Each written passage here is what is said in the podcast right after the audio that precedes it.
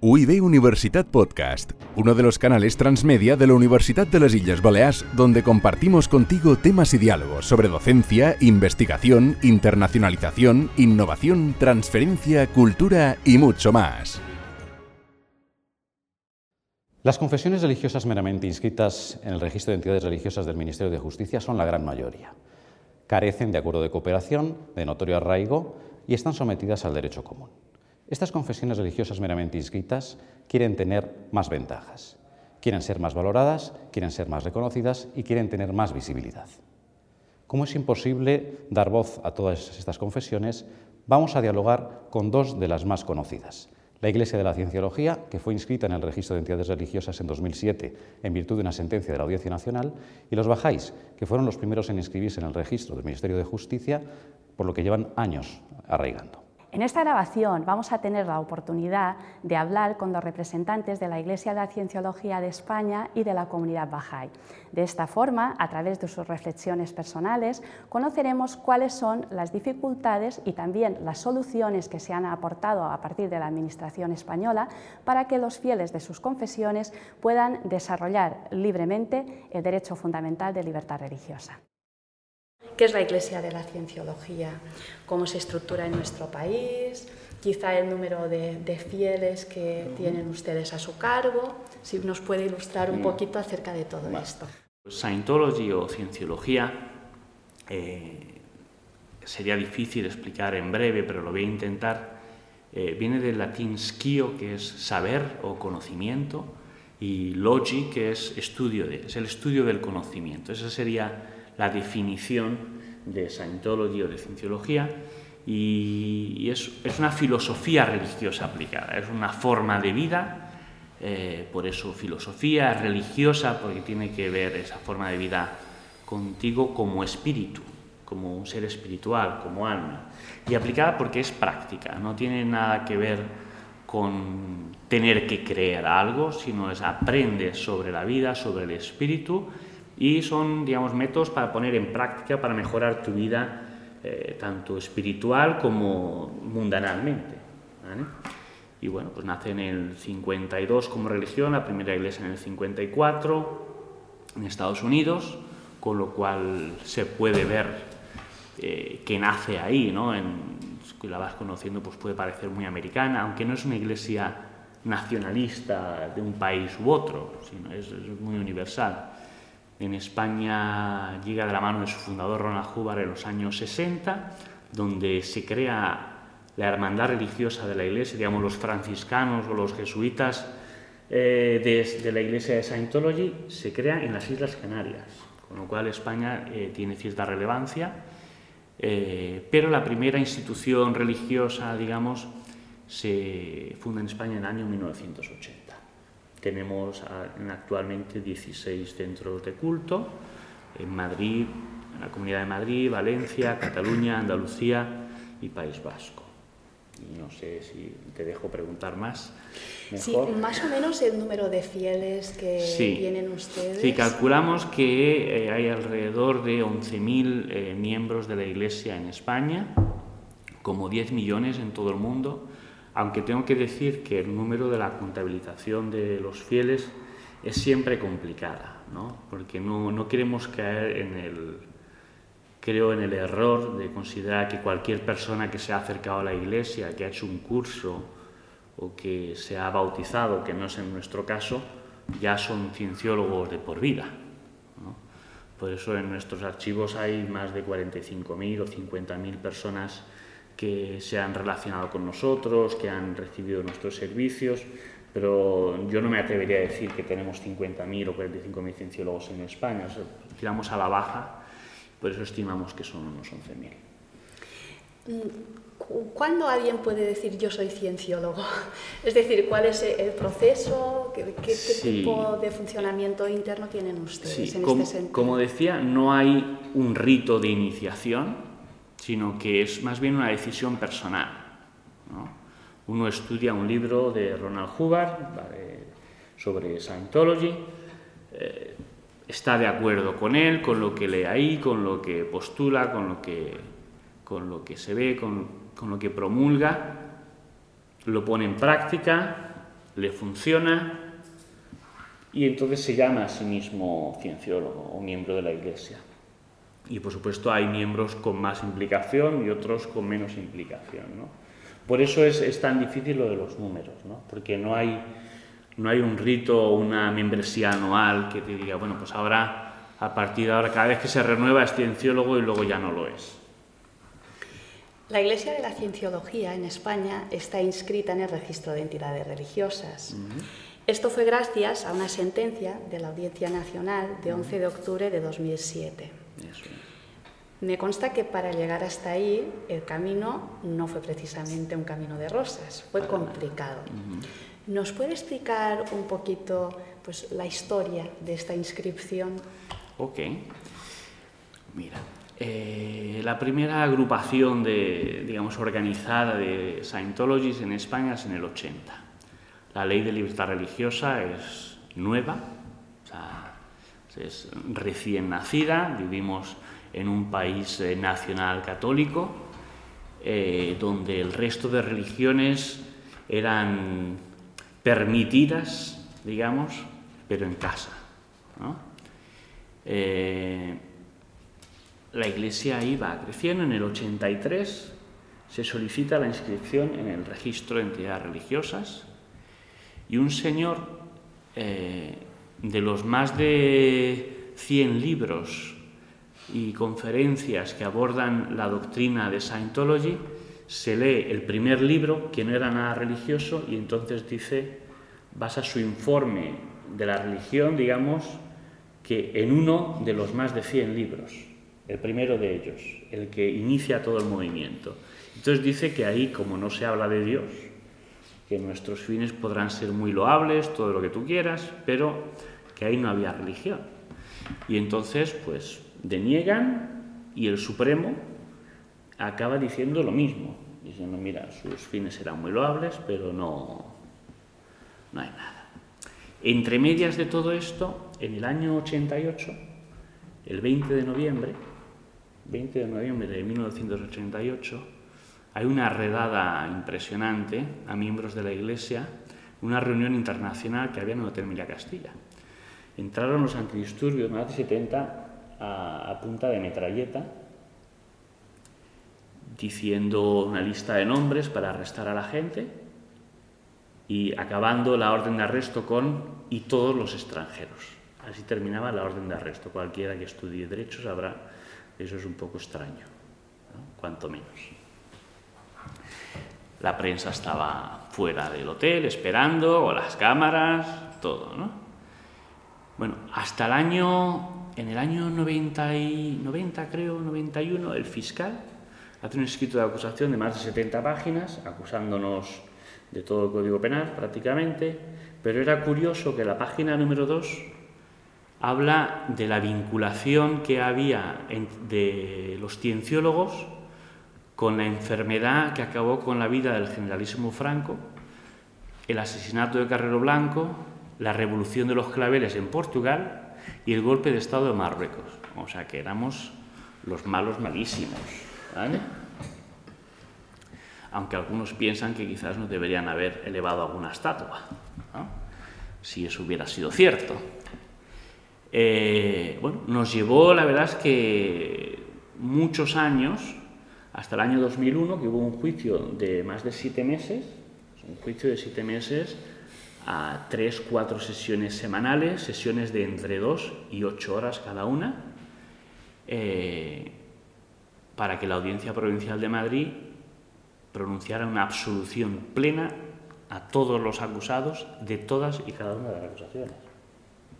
Luego adquirimos el edificio frente al Congreso de los Diputados, que abrimos en el 2004, solicitamos la inscripción y nos volvemos a encontrar ahí con una administración eh, que aunque había personas dentro de la Administración que estaban dispuestos a inscribir, no fueron suficientemente valientes o atrevidos como para tomar la decisión. Y, bueno, la persona que tomaba la decisión en aquel entonces, la directora general, decía que no, que la cientología no la van a escribir en la vida mientras ella estuviera ahí. Hasta que fuimos a los tribunales y la Audiencia eh, Nacional, vamos, no tuvo ninguna duda de que la Iglesia de San de España cumplía todos y cada uno de los requisitos para ser inscrita, que en España había libertad religiosa, que así lo manda el Constitucional, el Tribunal Europeo de Derechos Humanos, las Naciones Unidas, y que se nos debía escribir. Y a partir de ahí empezaron a aparecer algunas rosas en el camino. En el momento en que sucedió todo esto, el notorio arraigo era un concepto jurídico indeterminado en nuestro país. A día de hoy se ha objetivado el notorio arraigo. La pregunta sería, ¿tienen ustedes intención de solicitar el notorio arraigo? Ahora que ustedes ya están inscritos en el registro de entidades religiosas, que ya tienen un recorrido y que, bueno, por ejemplo, eh, algunos de los requisitos clarísimamente ya los cumplen, quizá otros no. Si nos puede decir si tienen pensado solicitar notorio arraigo, qué requisitos cumplen, cuáles cree que quizá no, si están en ello. ¿Nos puede explicar un poco esto? En primer lugar, eh, quisiera empezar dejando claro que para nosotros la figura, la existencia de la figura del notorio arraigo es discriminatoria sirve para discriminar a las distintas entidades en motivo del número de miembros. O sea, no se trata, o sea, el Estado no facilita o trata o da las mismas facilidades a miembros de una religión o de otra meramente por su número de miembros, con lo cual es discriminatorio. Ahora, como existe, y sí entendemos que es un, es un avance de que ya que no, se ha, no ha desaparecido, por lo menos se ha objetivado. Y eso hay que reconocer que eh, con la premisa anterior es un, es un avance. Ya no es una decisión exclusivamente política, sino que son las matemáticas lo que mandan ahí y tienes iglesias o centros en, más de, en al menos 10 comunidades autónomas, alrededor de 100 entidades o lugares de culto, pues podrías plantearte una serie de años, podrías plantearte estar reconocido. Y evidentemente a nosotros, puesto que existe, nos gustaría alcanzar ese estatus. ¿Por qué? Porque facilitaría la vida de nuestros miembros. Y al final nosotros nos debemos a tratar de que el bienestar de nuestros miembros aumente para que ellos puedan dedicarse más y más esfuerzos a ayudar a la sociedad. Nosotros no cumplimos eh, los, requisitos actuales. Por ejemplo, tenemos eh, entidades en cinco comunidades autónomas, se piden diez. Ya eso eh, nos descalificaría. Pero también es cierto que sería muy fácil hacer una trampa.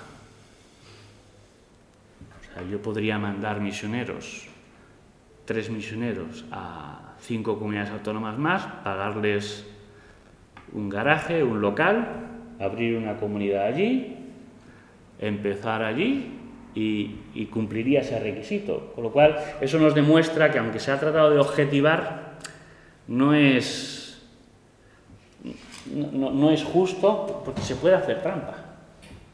No es lo que yo pretendo hacer, aunque si lo hiciera tampoco sería ilegal. ¿no? Em, bueno, yo creo que he contestado. ¿no? sé si me he ¿Y, tienen intención de solicitarlo o pues no entra en su perspectiva? Si cuando, si cuando cumplamos los requisitos ese concepto jurídico ahora ya determinado sigue existiendo, pues evidentemente lo solicitaremos, como he dicho, para facilitar la vida y otorgar los derechos a los cienciólogos que otras personas ya tienen por el hecho de ser miembros de otras religiones. Es que tal cual está establecido en el artículo 7 de la Ley Orgánica de Libertad Religiosa, realmente el principal instrumento de cooperación por parte de los poderes públicos con las distintas comunidades, confesiones religiosas, es justamente a, través de los acuerdos de cooperación y para poderse sentar a negociar esos acuerdos de cooperación se requiere tener el notorio arraigo. Luego, de algún modo, Ah, si ustedes no tienen el notorio arraigo tal como está estructurado a día de hoy, pues esto deslimita de cara a poder llevar a cabo determinadas actuaciones con eh, el ejecutivo de turno. ¿no? Entonces, eh, este sistema, este planteamiento, desde su perspectiva, ¿cómo se siente? ¿Cómo se vive? Es decir, ¿a ustedes les parece que es un buen sistema? y aspirarían a, si consiguieran el notorio arraigo, intentar la negociación de acuerdos de cooperación, como ya en su día hicieron la comunidad judía, evangélica y musulmana? Pues evidentemente, eh, bueno, no sé si es tan evidente, pero, pero por eso lo respondo, agradezco la pregunta, si en el momento que llegara a esa situación seríamos partícipes de, de solicitar y de buscar acuerdos de cooperación con el Estado, claro que sí. Aunque, repito, yo miraría más porque hubiera un trato igual a todas y cada una de las confesiones inscritas. Creo que sería más justo para, todo el mundo. Porque, porque un cienciólogo tiene que casarse dos veces y un, un mormón no. Un católico no necesita casarse dos veces para que... Y un cienciólogo, como somos menos, pues pues nos dan más trabajo, ¿no? O sea, como soy menos, pues vais a trabajar más, te vas a casar por lo civil y luego ya haces tu rito religioso si quieres, ¿no? que no me importa, te dice el Estado, ¿no? Pero es cierto que aunque el mecanismo de cooperación que establece la ley eh, va a través de esos acuerdos, también es cierto que en los últimos 10-15 años la Administración ha hecho esfuerzos y sigue haciendo esfuerzos para que esa cooperación pueda existir, aunque sea a un nivel, digamos, inferior, pero por lo menos que exista, con confesiones meramente escritas. Y en eso eh, pues ha tenido gran relevancia la creación de la Fundación Pluralismo y Convivencia, que han abierto el abanico a, a todas, mientras que su área de financiación, digamos, cubre las tres con acuerdo, ellos realmente cooperan con todas y tratan de visibilizar y generar esa convivencia, como su nombre indica, de todo el pluralismo. Eh, nosotros, por ejemplo, desde la inscripción del 2007, nuestras relaciones con la Dirección General de Asuntos Religiosos o la, como se llama ahora, la Subdirección General de Relaciones con las Confesiones, ha sido buena, ha sido positiva.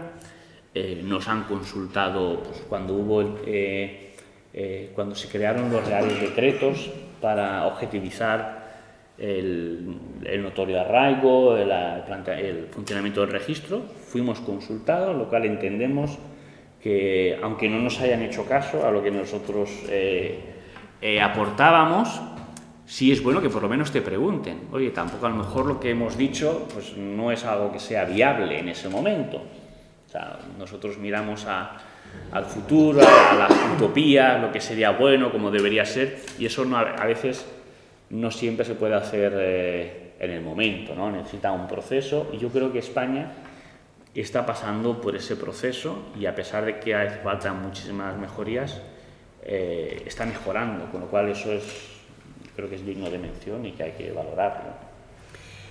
De esto que nos acaba de decir, ¿podemos deducir que usted abogaría por una reforma de la Ley Orgánica de Libertad Religiosa? Por un lado sí, pero por otro lado da miedo también, porque no sabes hacia dónde va a ir. Entonces decís de, más vale malo conocido que bueno por conocer. Eh, ya sabemos que los refranes no siempre son válidos, ¿no? no en todos los momentos son válidos. Yo abogaría por reformarla, pero entiendo la dificultad que eso implica y entiendo los peligros que eso implica, por lo cual si me preguntas, ¿la Iglesia de Cienciología haría una campaña para reformar la ley? No. Nosotros no haríamos una campaña para reformar esa ley, pero sí trataríamos de ir ayudando a que la sociedad también esté preparada para que en un futuro se pueda hacer una reforma que otorgue y garantice los derechos y un trato igualitario a todos y cada uno de las personas que, son miembros de, una confesión. Yo digo, o, o hay beneficios y obligaciones para todos o no las hay para ninguno. O sea, si, si un católico se puede casar y ese matrimonio tiene efecto civil, yo también lo quiero. Porque se lo han dado, ¿por qué? Porque es su libertad religiosa, su libertad de conciencia. Oye, ¿y, ¿y, la mía cuál? ¿Qué pasa con la mía? ¿No? Que, que, todo el mundo se tiene que casar por lo civil, como en Estados Unidos. Oye, pues, pues, vale, pues hay un trato igualitario. Te gustará, no te gustará, pero el trato es igualitario. Yo creo que el trato debe ser igualitario y siempre en positivo, evidentemente. No es que ahora nos traten a todos igual de mal, ¿no? no nos traten a todos igual de bien. Nos ha comentado antes que ustedes en España cuentan con 16 centros. Sí. Tienen su sede central en Madrid, que creo que la abrieron en el año 2004. Eso. Es un edificio impresionante en el centro de la capital, varias plantas. Un poco el objetivo de abrir ese centro, que quizá pues, sirva un poco de espejo de cara a que la sociedad se pueda acercar a ustedes, ¿Cuál, ¿Cuál, fue el criterio que les dio a tomar la decisión de establecer ese centro Sí. en puro centro de la capital en la forma en que lo han hecho? Mira, curiosamente, en el 2001, cuando en diciembre, el 3 de diciembre del 2001, la audiencia provincial hace pública su sentencia absolutoria de todas las acusaciones de la muerte de Franco y todo lo demás que he hablado antes, eh, abrimos una, una, mil metros cuadrados de exposición en la Gran Vía. Hicimos una exposición, alquilamos el Teatro Lope de Vega, pusimos ahí mil metros cuadrados de exposición de qué es, qué es cienciología. Y vimos que en ocho días más de 22.500 personas pasaron a través de esa exposición. Entonces se vio que, efectivamente había un interés, había una curiosidad, lo cual eso no tiene por qué traducirse en, en un crecimiento de miembros eh, vertiginoso, pero sí hay un interés. ¿no?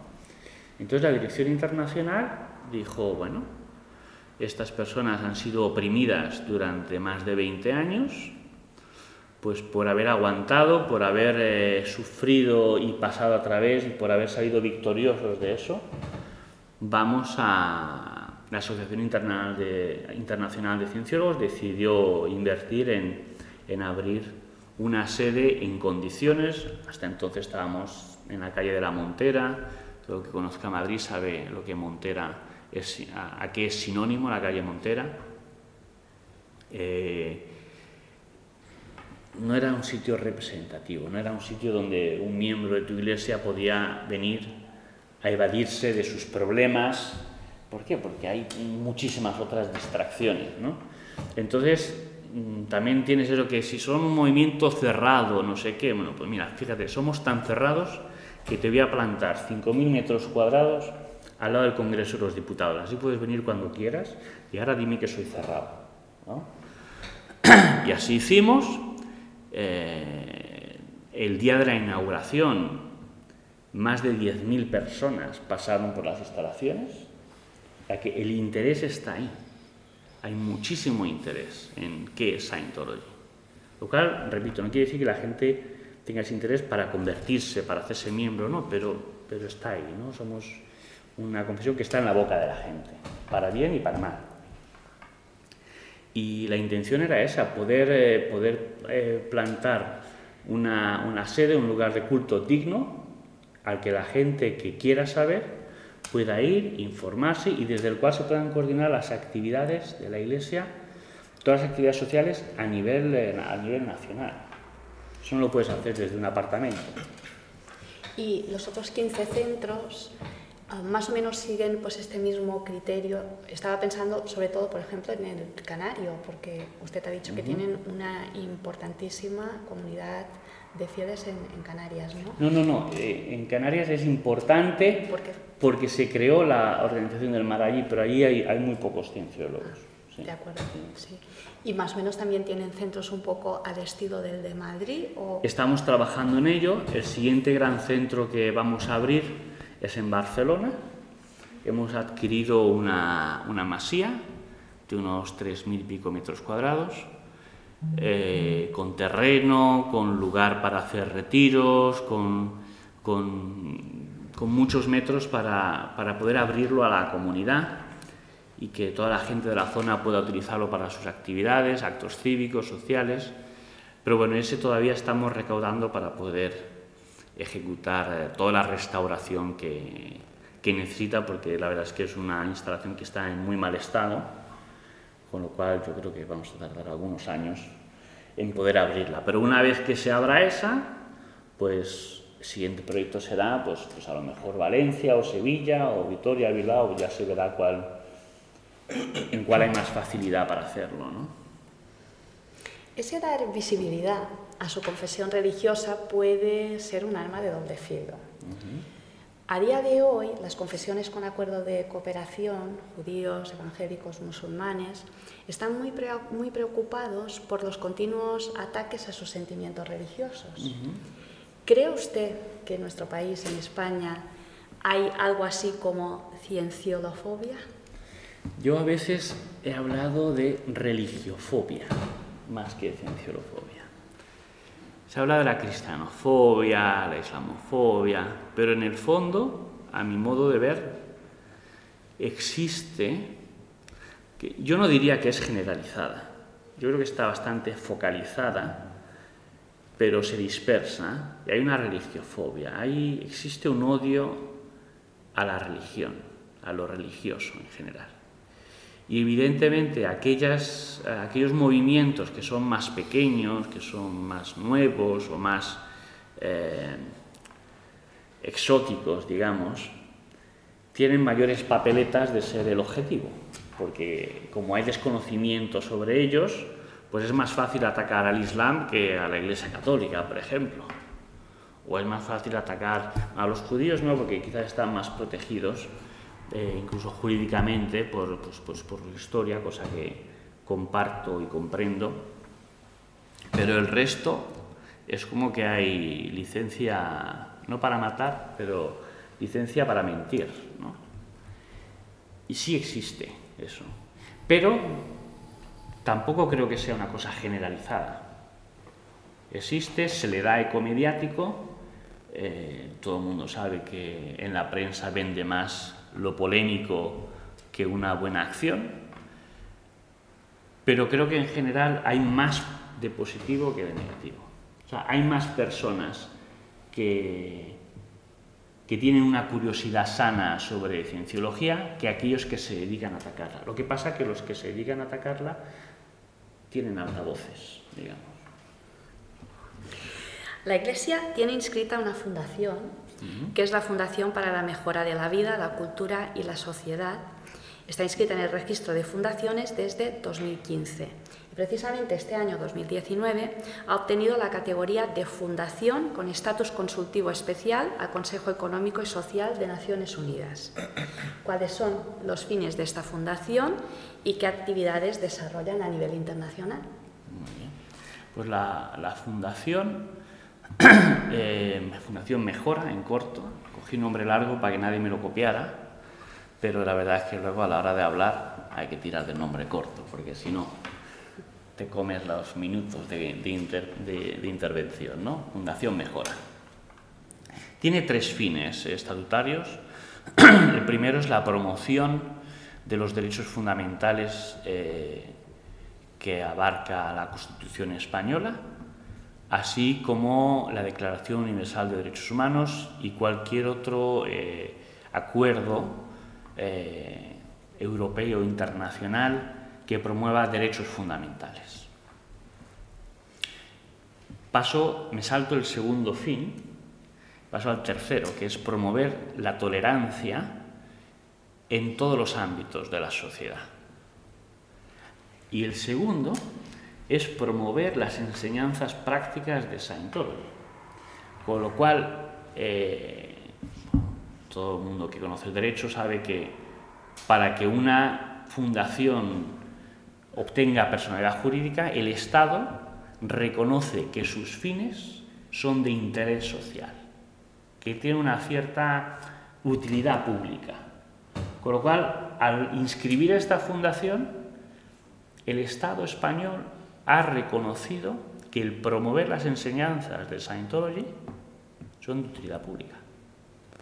Cosa que no es de extrañar, puesto que nuestra legislación, nuestra constitución, es promotora de que el hecho religioso es positivo para la sociedad, independientemente de cuál sea. Con lo cual, eh, pero la Fundación promueve Scientology no desde un punto de vista religioso, sino su factor práctico. a nadie le cabe duda que en la Biblia eh, no es solo para los cristianos. Hay mucho contenido en la Biblia del que se puede aprender para, para vivir mejor. Y lo mismo es en cienciología, no es un tema solo espiritual religioso, sino que es práctico. Entonces, los fines de la Fundación son esos, promover los derechos humanos, la tolerancia y las prácticas, las enseñanzas prácticas de Santo, la aplicación práctica para la mejora de los individuos y de la sociedad. Desde el año 2014 entregan el Premio Libertad Religiosa. ¿Por qué crearon este premio? Pues mira, creamos en el 2014, eh, lo llamamos, le dimos un nombre en inglés para que fuera más internacional, aunque tiene una vocación más nacional, los Religious Freedom Awards. Eh, pensábamos que hay suficiente gente criticando la libertad religiosa, suficientemente criticando la diversidad, eh, y se le da mucho eco. Pero aquellos que luchan porque haya una diversidad, que se respete esa diversidad, que el pluralismo pueda convivir, eh, con normalidad, existe muy poco apoyo. Entonces nosotros en nuestra iglesia, una de, nuestras eh, máximas, que no solo nuestra, y que la puedes encontrar en muchas otras religiones o filosofías, es que uno eh, obtiene lo que promueve. Entonces, si queremos obtener eh, más libertad religiosa, hay que promover la libertad religiosa y hay que hacer que aquellas personas que están promoviendo la libertad religiosa se puedan sentir reconocidos y que tengan un aliciente adicional, aparte del vocacional. Eh, quiero creer que la mayor parte de las personas, y creo que es así, no hace las cosas por tener reconocimientos. La gente tratamos de hacer las cosas por nuestra vocación. Pero es verdad que un reconocimiento siempre ayuda siempre ayuda eh, a, porque te da muchos tortazos cuando luchas por las libertades, muchísimos. Tienes muchas zancadillas. Entonces, ¿qué menos pues que alguien te dé esa palmadita en la espalda, venga, va, que vas bien. Vamos para adelante, que hay que seguir, vamos a animarte, ¿no? Y quizás así incentivar a personas que a lo mejor no se lo han planteado y bueno, pues ahora eh, pues pues me gustaría premio, pues voy a luchar por la libertad religiosa. A mí me da igual la razón por la que la gente luche por la libertad religiosa. Si es por un premio o si es por vocación. Porque lo haga por lo que lo haga, resulta en que hay más libertad religiosa y eso es bueno para todos. El 28 de junio de este año, el Ministerio de Justicia de aquí de España le otorgó el estatus de entidad religiosa a la Oficina Europea de la Iglesia de la Cienciología para Asuntos Públicos y Derechos Humanos. ¿Cuáles son los objetivos de esta oficina? y si nos puede decir también en qué países opera. Sí, pues la oficina eh, que yo presido eh, realmente abre su primera existencia desde el año 91 Viene una entidad belga, luego más adelante es una entidad americana, aparece y desaparece la oficina. Pero en el 2017 la Iglesia Internacional decide tomar una decisión firme de que esa oficina debe existir y que se debe apoyar y es necesaria.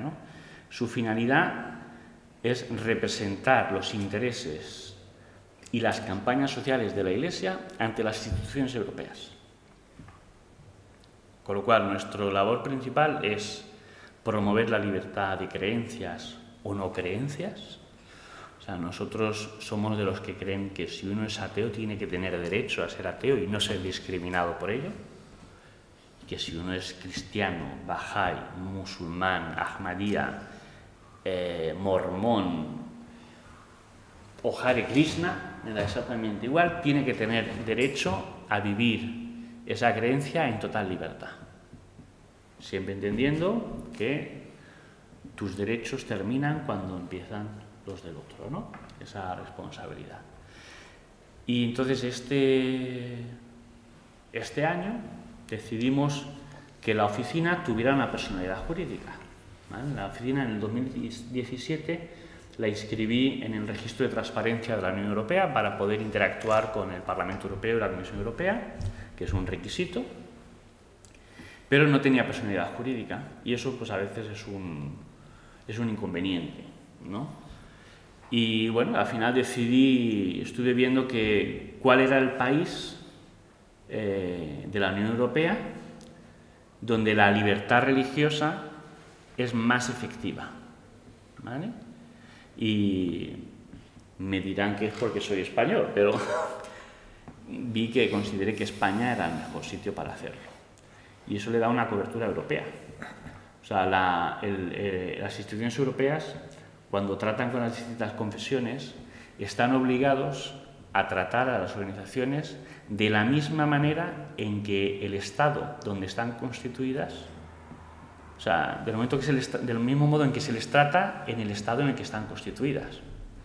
Entonces, en España estamos constituidos como entidad religiosa. Entonces, ¿esto qué ha hecho? Ha hecho que tácitamente, de alguna manera, la Unión Europea está reconociendo Scientology como una entidad religiosa más. Claro, porque los distintos países de la Unión tienen una configuración distinta y una calificación distinta para la Iglesia de la Cienciología. El panorama europeo de ustedes es diverso. ¿Nos puede explicar un poquito cuál es el tipo de relación que mantienen ustedes en los distintos países? Sí, muy en breve.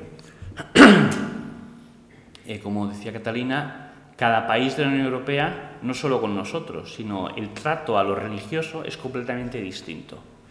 Los únicos tres países que tienen registros especiales para entidades religiosas en, los 28 países de la Unión Europea son, son cuatro.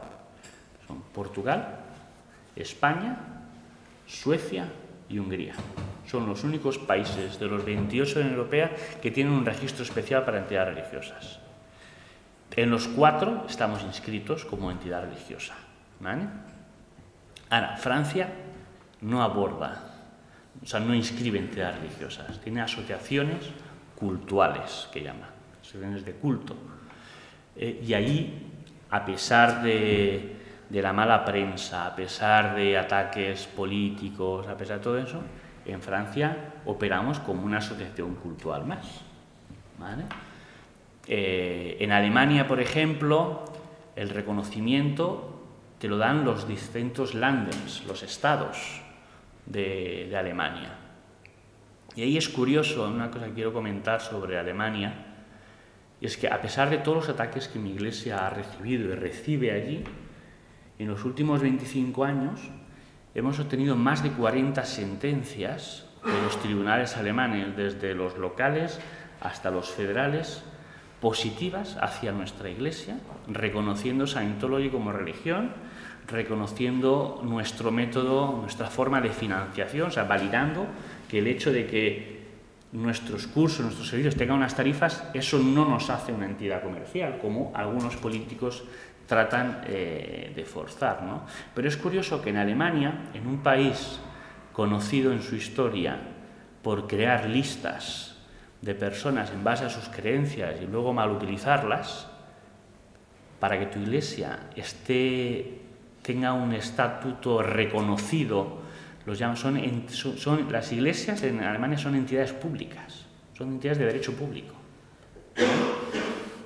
Tengas que tener eh, un listado de tus miembros y esos miembros tienen que pagar un impuesto, el impuesto de church tax, el impuesto de las iglesias.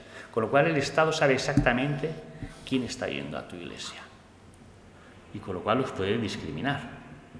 De hecho, en Alemania, por ejemplo, el Ayuntamiento de Múnich para si da, subvenciones para bicis eléctricas, por ejemplo, ¿vale? para ayudar a la ecología y tal, y pues, para el medio ambiente. Pero tienes que firmar que no eres cienciólogo.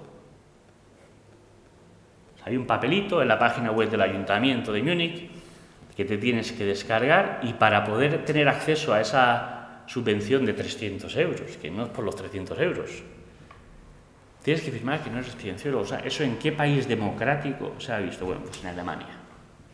En Alemania eso existe.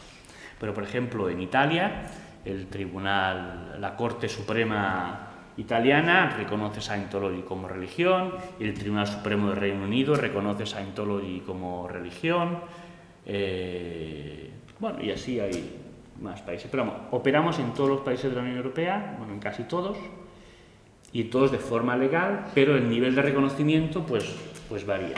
También teniendo en cuenta que cada país tiene sistemas de aceptación o reconocimiento distintos. Ahora que estaba explicando esto de Alemania, me ha venido el recuerdo de cuando se estaba grabando y promocionando la película Valkyria, protagonizada por Tom Cruise. Fue muy mediático el tema de la acogida que hubo en Alemania del actor, precisamente por su pertenencia a la Iglesia de la Cienciología. Es inevitable que relacionen la Iglesia de la Cienciología con distintos actores de Hollywood. Y no sé si al final esto es algo que beneficia o es algo que perjudica a la Iglesia de la Cienciología. En el sentido de que quizá eh, en nuestro país, en España, como en otros, se puede ver como algo más extranjero, más mm. lejano, como quizá, no, sé, que no, no, tan propio de, la tradición, de la mm. mentalidad europea. No lo sé. ¿eh? Sí, mira, yo, eh, es una pregunta reiterada que muchas personas tienen, con lo cual es una pregunta totalmente válida por eso mismo, ¿no? esa, que esa pregunta está ahí. Yo creo que siempre es positivo que se hable de ti. Tenemos un abogado que decía que se hable de vosotros aunque sea bien, decía. Digo, ¿cómo que aunque sea bien? Digo, será aunque sea mal. Dice, no, no, aunque sea bien, dice, porque mal ya lo sabes que van a hablar mal de ti. Entonces, aunque hablen bien, tú no te preocupes. ¿no? Y, al final da a conocer. Evidentemente yo preferiría que se hablara siempre bien, sería más fácil, facilitaría todo. Hay gente que necesita ayuda y a la que podemos ayudar, que no tendría miedos a acercarse, con lo cual sería más fácil poder ayudarles. ¿no? Eh, pero yo creo que es positivo. Aquellas personas conocidas de la Iglesia, por lo general, son personas ejemplares en su trabajo, en su vida social, no son personas que, no, voy a decir que no haya chismes sobre ellos, sino que no son personas que sean escandalosas, no son personas que están en drogas, que se emborrachan, que van cometiendo crímenes. Eh, son personas que, bueno, son personas productivas en sus mundos. El señor Cruz, por ejemplo, pues que no para de hacer películas. La gente podrá decir lo que quiera, pero es un hombre que da trabajo a muchísima gente y que ayuda a muchísima gente. Él tiene, eh, da mucho apoyo a programas sociales de la Iglesia, desde desintoxicación de drogas a enseñar a estudiar a, personas eh, sin recursos. Él ha montado infinidad de centros eh, que utilizan técnicas creadas por Ronald Hoover, el fundador de Scientology, que ayudan a las personas a aprender, a aprender a aprender. ¿no? Y eso es bueno, yo creo. Perdona, y además, eh, una última coletilla. En España decimos, no es que lo americano es lo americano, pero todos estamos enganchados a lo americano. Lo criticamos, los yankees, los de qué, pero hacen algo los americanos y ahí estamos detrás nosotros. ¿Existe objeción de conciencia sanitaria para los cienciólogos? Es decir, se habla bastante a nivel, pues un poco de calle, de ciertas reticencias para recibir asistencia sanitaria. Incluso los más ortodoxos se dice que se niegan a tomar analgésicos. ¿Nos puede clarificar, clarificar un poquito esto? Sí, nosotros eh, somos pro ciencia, pro medicina pero no es que tengamos reticencia a los psicofármacos o al electrochoque o a las lobotomías, es que somos brutalmente opuestos a eso. Nos oponemos con todas nuestras fuerzas a que se drogue a la gente, a que se les fría el cerebro. Y puede parecer extremo, y puedo entender que haya gente que lo considere extremo. Pero cuando tú sabes que a un niño de 8 años, de 5 años en el colegio, porque es muy movido o porque es muy despistado, te lo etiquetan como con trastorno de déficit de atención y hiperactividad y le prescriben Rubifen, Ritalin o Concerta, metilfenidato es el compuesto químico, pero que en realidad son nombres todo muy bonitos, pero son metanfetaminas lo que están dando los niños. Pues nosotros nos oponemos. Yo no me opongo, ni la Iglesia se opone a que si alguien se enferma, vaya al médico, vaya al hospital y se tome las medicinas que se tenga que tomar. Pero consideramos, con todos los riesgos que esto mm, pueda tener, que, que en el mundo de la salud mental se ha hecho y se sigue haciendo mucho mal. Y recientemente, en este año, el Consejo de Derechos Humanos de las Naciones Unidas ha hecho un informe, eh, vamos, que lo podríamos haber escrito nosotros, sobre lo que se hace en el mundo de la psiquiatría. Si alguien ve ese informe y lo firmamos nosotros, a nadie le habría extrañado. Y, y realmente las Naciones Unidas están pidiendo a todos los estados que luego lo harán o no lo harán, tardarán 40 años o 100, en acabar con todas aquellas leyes que a nivel nacional dan autoridad a los psiquiatras a actuar por encima de la ley. Es decir, tú hoy día, un psiquiatra, va al tribunal y dice que tú eres peligroso para ti o para otros y tú acabas encerrado en un hospital psiquiátrico. Sin más. Sin más exámenes, sin segundas opiniones, eso es peligrosísimo. Y eso ocurre. Y se droga a esas personas, se les ata a las camas, y nosotros eso es de lo que estamos en contra. Si una persona cree en la psiquiatría, sabe los efectos de los fármacos y de los tratamientos, y decide hacerlos, yo ahí me callo. Pero esa información generalmente no se está dando. Entonces las personas van a la psiquiatría en busca de ayuda, con confianza, pero no se les explica los efectos de, los tratamientos que les dan. Y repito, si se les explica y lo aceptan, yo ahí me callo, pero no se hace. Entonces mucha gente en busca de ayuda acaba siendo traicionada.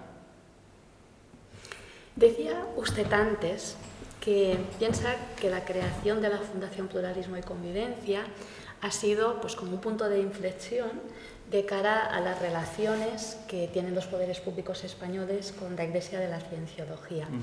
A día de hoy, un poco cuál es el tipo de relación e incluso cooperación, si es el caso, que tiene la Iglesia de la Cienciología con la eh, Dirección eh, General de Cooperación Jurídica Internacional y Relaciones con las Confesiones, la Subdirección General, Fundación Pluralismo y Convivencia y demás.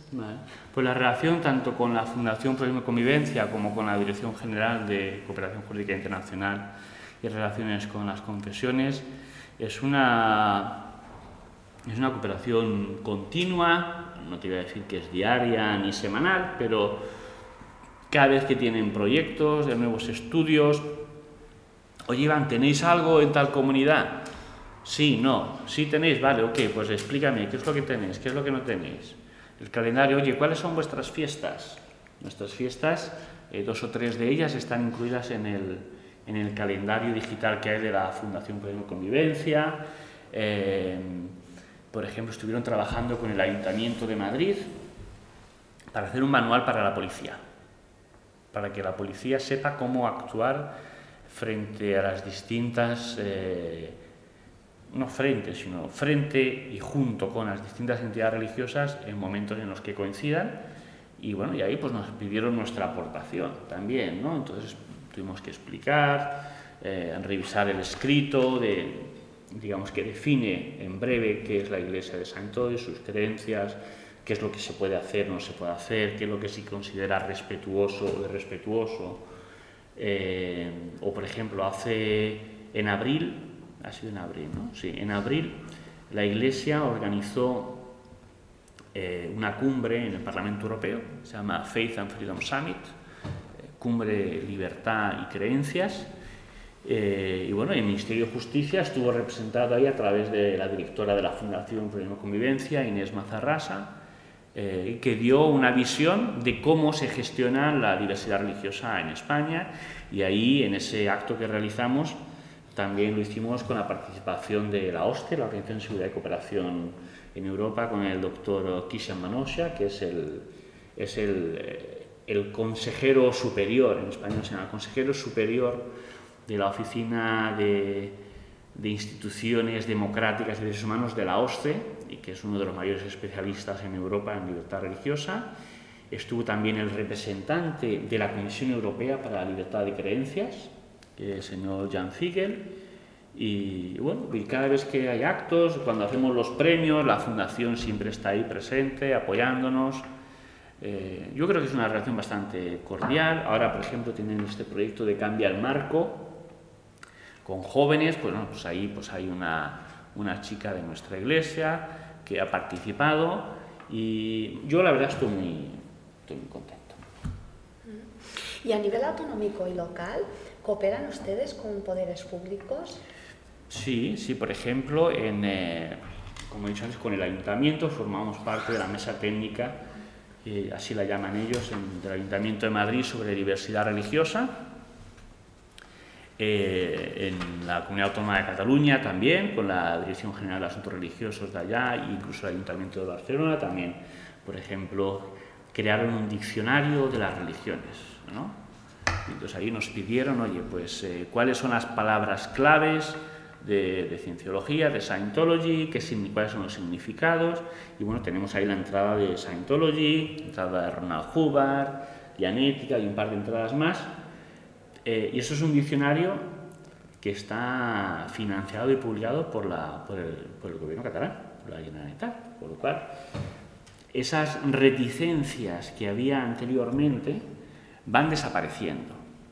Cuando cumplimos los 30 años de nuestra misión en, la Comunidad Autónoma Valenciana, tengo que confesar que con mucho retraso invité al gobierno valenciano y me mandaron un representante para hablar. No nos conocían de nada. Pero mandaron un representante a hablar y a felicitar a la Iglesia y a los cienciólogos por la labor que hacen en la comunidad valenciana.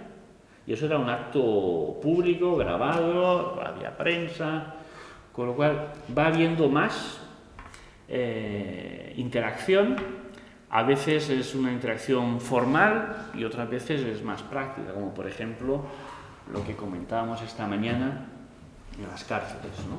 Tenemos un, un, proyecto que se llama Criminón, que no es, no es de la Iglesia, pero utiliza el material escrito por Ronald Hubbard, un libro que se llama La criminal y estamos en una cárcel de mujeres, en la cárcel de Brieva, y ahí tenemos nuestros voluntarios que están ayudando a la rehabilitación y reinserción de esas presas y, bueno, pues ahora eh, pues nos han pedido que nos ocupemos del, del módulo de las, de las duras, ¿no?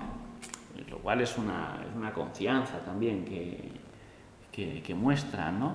no somos muchísimos cienciólogos en toda España, con lo cual eh, todavía nos queda mucho por crecer y para poder ayudar a la, sociedad, pero la verdad es que con los números que somos, yo estoy contento con, con cómo vamos cooperando y cómo va mejorando esa cooperación con las instituciones públicas. ¿Qué líneas de trabajo tienen previstas ahora? Me gustaría saber si tienen en mente o no, no lo sé, algún tipo de participación activa política de cara a cambiar un poco todo este marco normativo en aras a eh, lo que usted decía al principio de conseguir una igualdad de todas las confesiones mm. con independencia del número de creyentes, de tiempo que lleven establecidos en nuestro país y demás. Pues sí, mira, la iniciativa no es solo española, sino a nivel europeo y es de Primero, generar visibilidad. Eso es lo primero. Porque para que te puedan escuchar, lo primero es que te, que te vean constantemente y así no les pareces tan raro. A veces algunos se piensa que a lo mejor he hecho fuego por los ojos o que tengo aquí una cola o, o alas o algo así, pero no, no tengo nada de eso. Soy una persona normal y corriente que se preocupa por la sociedad y con lo cual lo primero es la visibilidad. Pero para poder interactuar más con la sociedad, con lo que tenemos que acabar es con los prejuicios. Y para ello eh, hay que conseguir la igualdad. Y para ello hay que conseguir que se conozca eh, que la libertad de creencias y la no discriminación por creencias es un derecho y es un deber del Estado y de los ciudadanos de respetar, que no de creer lo que otro cree, que no de gustarle lo que otro cree, pero sí respetar de que otro tiene el derecho de tener esa creencia, de tener sus prácticas religiosas. Entonces, nuestro, digamos, mayor eh, ímpetu, nuestra mayor línea de acción va a ir dirigida y está siendo dirigida a generar una, una gran plataforma en la que la libertad religiosa sea para todos. Porque también haciendo autocrítica de las entidades religiosas, a veces nos encontramos que unas no quieren estar en la foto con otras, ¿no? Y claro, eso no ayuda, porque tú eres mayoría aquí, pero allí eres una minoría. Entonces, si eres, eh, tienes que ser suficientemente egoísta como para aceptar a todas, porque eso va a repercutir en el bienestar de, tus miembros y su capacidad de ayudar a la sociedad en todas y cada una de las sociedades. Y, por ejemplo, hay ejemplos fantásticos de cooperación entre iglesias de forma completamente indiscriminada, y es, por ejemplo, Colombia. O sea, Colombia, las entidades religiosas hacen un trabajo conjunto impresionante.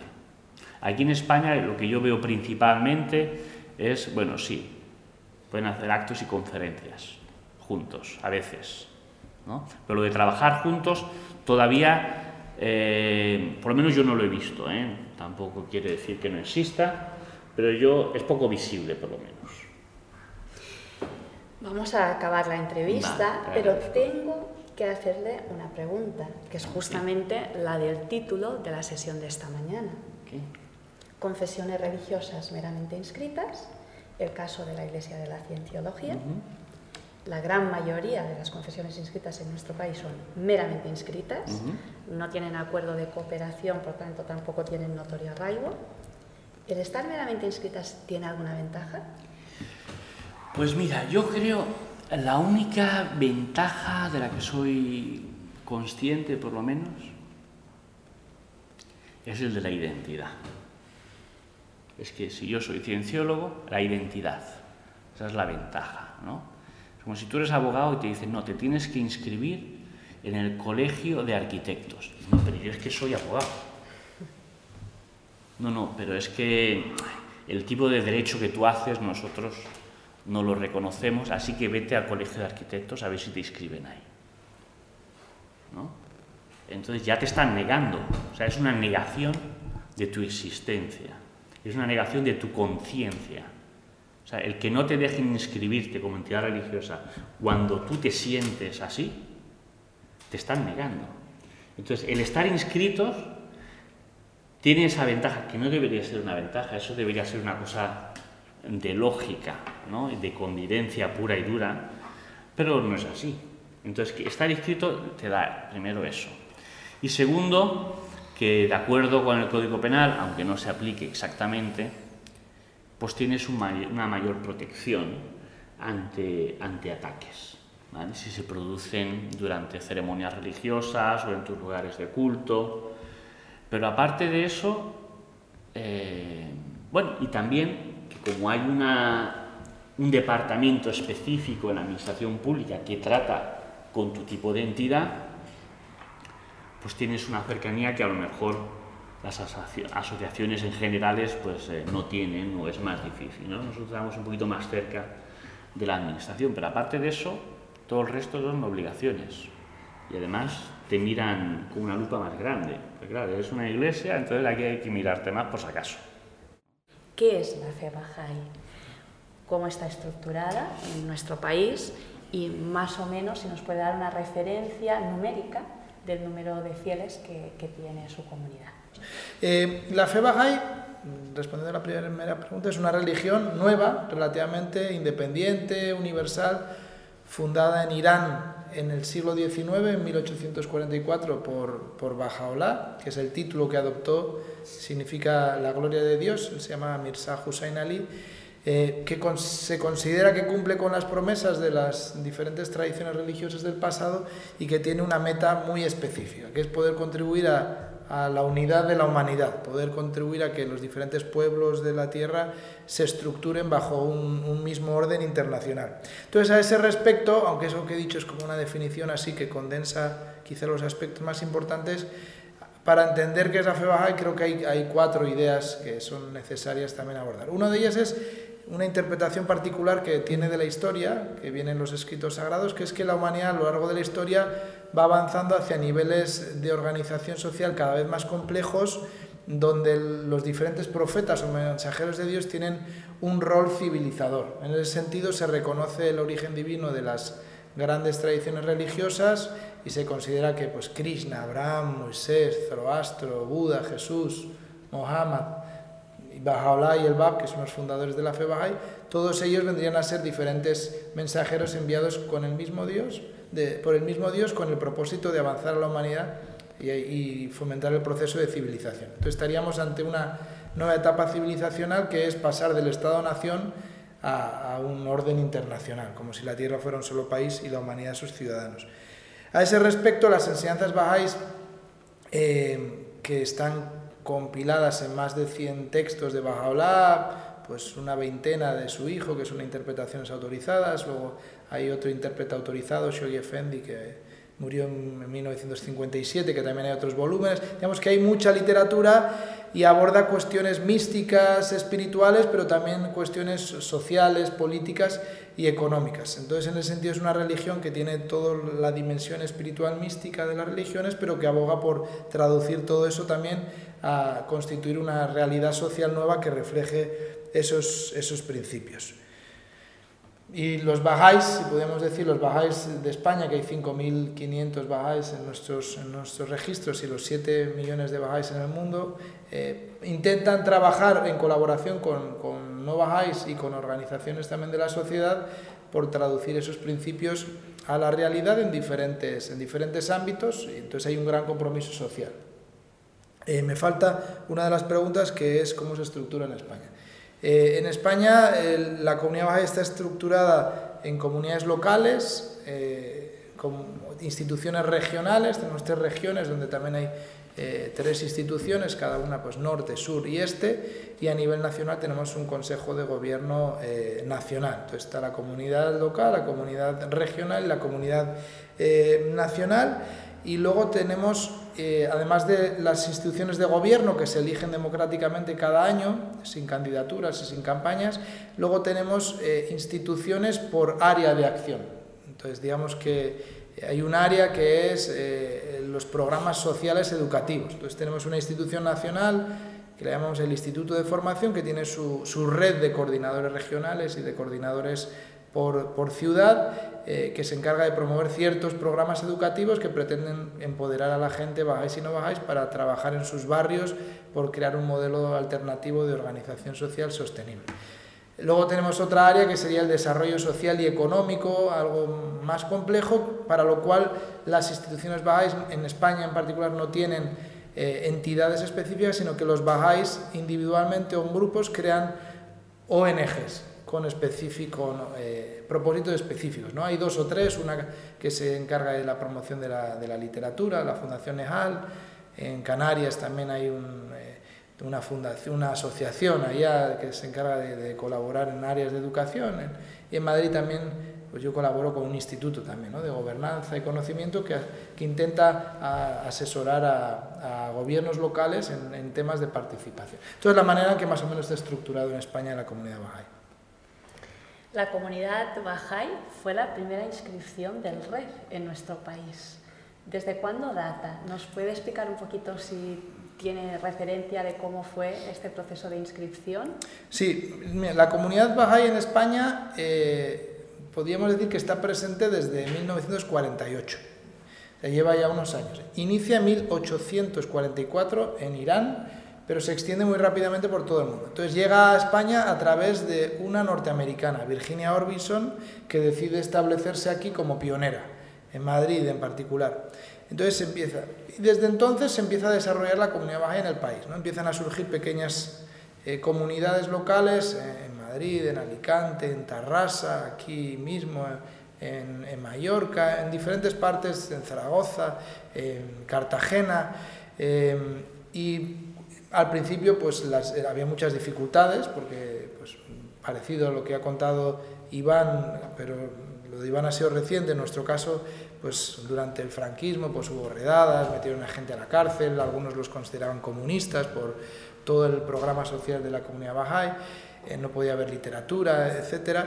Eh, pero en cuanto se promulgó esta ley de, asociaciones religiosas no católicas, en 67-68, la comunidad enseguida hizo un esfuerzo por, por registrarse y pues, pues fue la primera. Es una cosa pues casualidad, porque simplemente lo que se quería era eh, registrarse y poder tener los, los, derechos que se otorgaba a las otras eh, confesiones que se pudieran eh, registrar. Entonces eso empieza, empieza a normalizar un poquito las relaciones con, con, el gobierno, que es uno de los principios bajáis, estructurales, la, obediencia al gobierno y, y, la obediencia a las leyes. Abogamos por transformar la sociedad siempre desde el orden. Ese es una, uno de los principios de la concepción bajáis del cambio social. ¿Cómo están celebrando el 200 aniversario del nacimiento del BAP aquí en España? Bueno, pues me alegro de que me hagas esa pregunta, porque es un motivo de alegría. El, el, fue el precursor de Bajaola, eh, igual que en el cristianismo se puede decir que antes de Jesús aparece San Juan el Bautista para preparar el camino. Eh, en la fe Bahá'í, eh, antes de la, de la, aparición de Bajaola, que es el, el, quien consideramos el, el mensajero de Dios para este día, todas las enseñanzas bajáis se centran en sus enseñanzas, pues antes de su aparición vino otro personaje que se hacía llamar el Bab, que significa la puerta, a quien también consideramos un, mensajero de Dios. Su dispensación, el, tiempo durante el cual estuvo vigente su mensaje fue muy corto, porque él, aparece en 1844 y lo ejecutan en 1850. 19 años después, Bajaola, que era uno de sus seguidores, proclama que él era ese personaje que venía a anunciar. Bueno, él nació en 1819 entonces, y Bajaola en 1817. Entonces, eh, en 1900, hace dos años, celebramos el bicentenario del nacimiento de Bajaola y este año estamos celebrando el bicentenario del nacimiento del BAB. Entonces, es un, en la comunidad internacional Bahá'í pues está todo el año haciendo cosas. Entonces, en España también. Entonces, la manera que se ha celebrado ha sido diversa. Por un lado, yo diría que el eje ha sido fortalecer e impulsar los programas de empoderamiento de base que tenemos. Entonces, en, España en particular, que hay muchos barrios de muchas ciudades del país donde bajáis y no bajáis están tratando de iniciar proyectos por mejorar los barrios, se ha intentado dar impulso a eso, como forma de rendir homenaje al BAP, que finalmente él se sacrifica por los ideales que trae, que son de paz, de justicia social, de emancipación de la mujer. Entonces la mejor manera de mostrar homenaje es trabajar todavía más, renovar los proyectos, ampliar el alcance e invitar a las instituciones y gente de esas zonas de base a conocer los proyectos. Ese es el eje. Pero luego ha habido celebraciones, ¿no? celebraciones locales, múltiples en todo, en todo el país, donde los bajáis y no bajáis que están trabajando en el barrio, eh, a veces con autoridades, otras veces solos o en familia, pues han hecho actos, actos con oraciones, con eh, programas artísticas, con eh, comida, etcétera, para rendir homenaje al BAP. Luego a nivel, a nivel nacional también se ha creado una comisión que ha estado produciendo material audiovisual, canciones, intentando que los bajáis compusieran música y canciones recordando la historia y las enseñanzas del BAB. Y hay, en la página web de los bajáis de España, bajai.es, hay una sección especial por el bicentenario del BAB donde se han colgado algunos de esos materiales que se han producido. A nivel internacional también la Casa Universal de Justicia, que es el Consejo de Gobierno Internacional de los Bajáis, ha producido un documental también en en honor al BAP, eh, donde se recoge un poco la experiencia mundial de la comunidad baja en diferentes puntos del mundo, como Papúa Nueva Guinea o Estados Unidos o la República Democrática del Congo, donde se ve cómo con unidad de visión se intenta eh, mejorar la sociedad y aquí pues lo hemos proyectado. Y por terminar, pues lo último es que también se ha hecho algo más visible, pero simplemente sería la punta del iceberg, una recepción pública hace, hace pues, menos de un mes, también está colgado en la página de YouTube de la de la Comunidad Bahá'í de España, eh, donde se invitó a autoridades, autoridades políticas, autoridades académicas, eh, organizaciones civiles con quienes estamos colaborando, eh, representantes de universidades también con las que hemos estado colaborando, para también rendir homenaje al BAB en un programa sencillo pero, pero bonito. ¿no? Y vino pues, varias de las personas que se han mencionado y que están colaborando con este proyecto, pues la directora general de cooperación jurídica, la subdirectora general, Mercedes Murillo, ex subdirectores generales, vino Esteban Ibarra, o sea, gente de movimientos sociales, mucha gente vino a esa recepción pública y celebraron con nosotros, aunque era un acto especial para pensando en ellos, ¿no? pero celebraron con nosotros eh, este año eh, tan especial para los bajáis. Tal y como nos ha expuesto, ustedes llevan muchos años arraigando aquí en nuestro país, en España. ¿Se han planteado en algún momento solicitar el notorio arraigo? Ahora que, como comentábamos, ya tenemos objetivados los requisitos para ese logro, ¿cuáles cumplen? ¿Les queda alguno todavía en el que estén trabajando? Sí, se, me ha olvidado, ¿puedo responder una cosa antes? es que se me ha olvidado y, y no quiero dejar de hacerlo, sobre todo porque va a grabarse eh, una de las cosas también más bonitas eh, del Bicentenario, aunque de nuevo, si, si, la recepción pública era la punta del iceberg, esto es simplemente un punto dentro de esa punta, es que eh, hubo un filósofo, Aras Al-Jomandi, y un historiador catalán muy reconocido, medievalista, Ruiz Domènech, que han publicado un libro, un libro eh, con motivo del BAP contextualizando la situación del siglo XIX y viendo el impacto que, que tuvo, tuvieron las enseñanzas del BAP en esa época y la relevancia de sus enseñanzas para ahora. ¿no? Es, una, es un libro que lo ha publicado la, la Comunidad Bahá'í de España, la editorial Bahá'í de España, que tenemos una editorial, pero también lo va a publicar eh, la editorial Pretextos, ¿sí? porque le ha parecido relevante y, eso es una de las cosas que nos ha dado mucha alegría, ¿no? y se presentó en la recepción pública.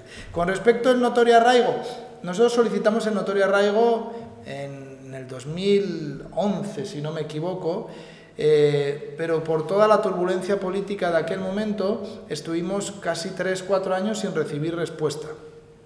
Eh, cuando hubo todos los cambios de la estructura de la dirección, que luego cambió a su dirección, etcétera, el, nuevo subdirector, ya eh, ex subdirector, pero Ricardo García García nos dijo que, que la tramitación no se había llevado a cabo. Y, nos sugirió que retirásemos la solicitud porque estaba a punto de salir un nuevo decreto ley que iba a regular el notorio arraigo y que la Comisión Asesora de Libertad Religiosa probablemente no iba a poder eh, tramitar la solicitud y si lo hacía, pues iba a ser negativa más que nada porque venía el nuevo decreto. Entonces nos dijo, mira, eh, eh, echarlo hacia atrás y solicitar de nuevo cuando, cumple, cuando cumpláis los, los, requisitos. Entonces ahora mismo estamos, por el motivo del Bicentenario, eh, vamos a hacer una nueva solicitud. Lo único, estamos reformando nuestros estatutos internos porque nosotros hemos tenido una dificultad con respecto a los registros y es que hemos tenemos unos estatutos que responden a la realidad interna de la comunidad baja y nosotros registrábamos consejos de gobierno, eh, porque nuestros estatutos que son los representantes oficiales de la comunidad baja. Claro, ¿eso que hacía? Que aunque tengamos eh, más de 300 comunidades,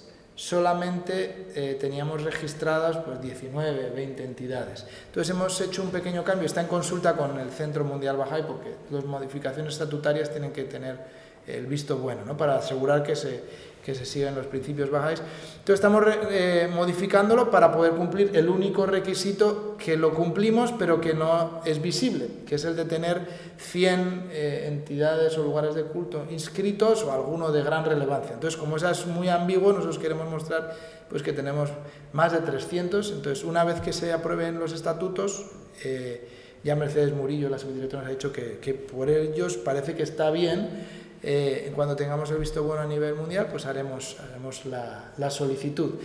El notorio arraigo, en la práctica hoy día, no te da más que el matrimonio, automáticamente, porque eh, el gobierno lleva sin negociar con las confesiones desde que se hicieron los acuerdos en el 92.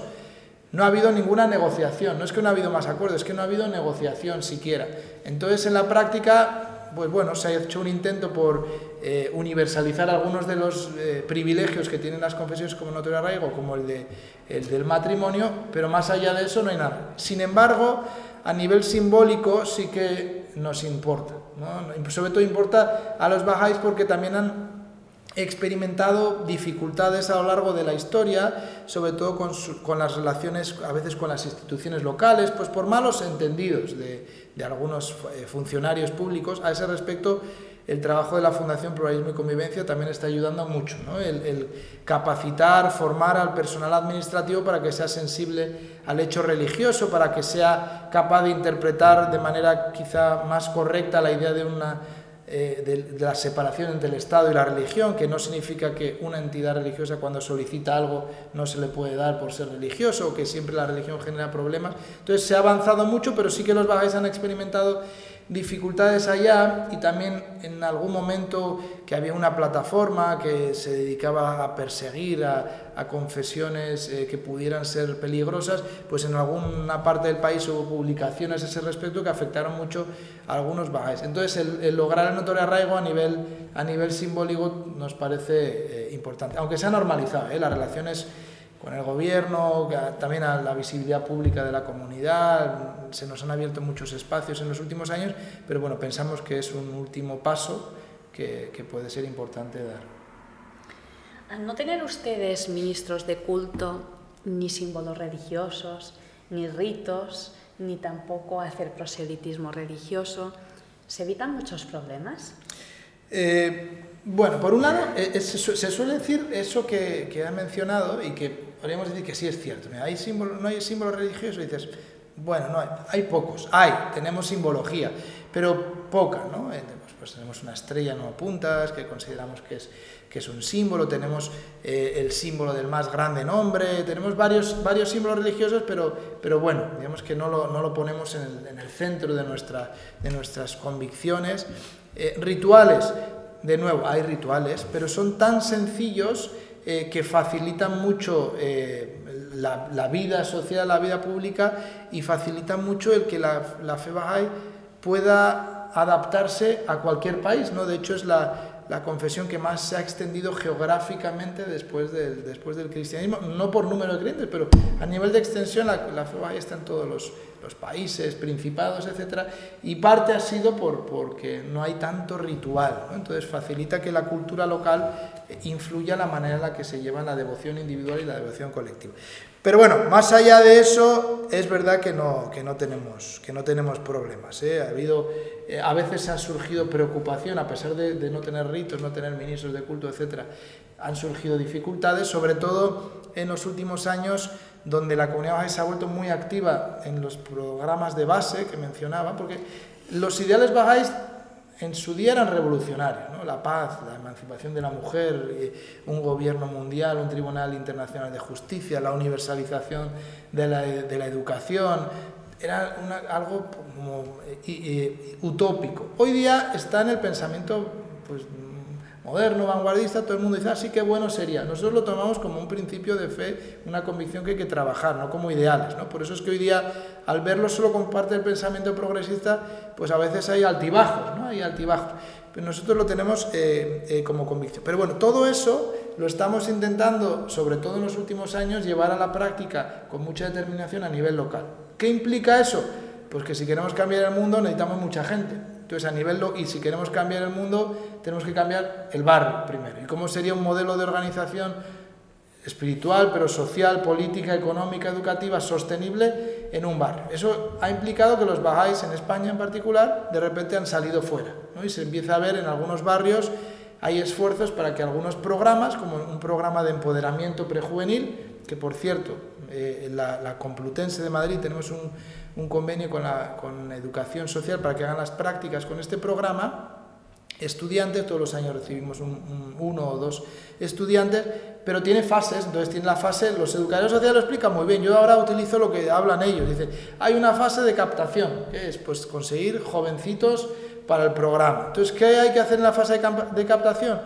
Pues a veces hay que ir a hablar con organizaciones del barrio, pero a veces hay que ir a la calle a buscarlos, ¿no? a buscarlos. Entonces, eso, como el programa ha empezado a crecer, ha, generado situaciones, además totalmente lógico, en el que la policía de repente dice, oye, ¿qué pasa aquí que hay gente intentando hablar con adolescentes? Entonces ha venido la policía, pero ha visto que tenemos los, eh, las autorizaciones, han venido a la comunidad y ahora sabemos que antes de empezar eh, cualquier proyecto de cierta envergadura en un barrio, lo primero que hay que hacer es ir a la policía local y decirles, mira, aquí estamos los bajáis, vamos a trabajar, queremos colaborar con vosotros en esta área específica y entonces se ha normalizado. ¿no? Pero digamos que a pesar de lo que de, no tener ministro, no tener rituales, puede parecer que la cosa es más suave, como hay un, deseo de contribuir al, bienestar social y eso exige estar en, la vida pública, pues bueno, también se van generando situaciones que vamos poco a poco intentando resolver.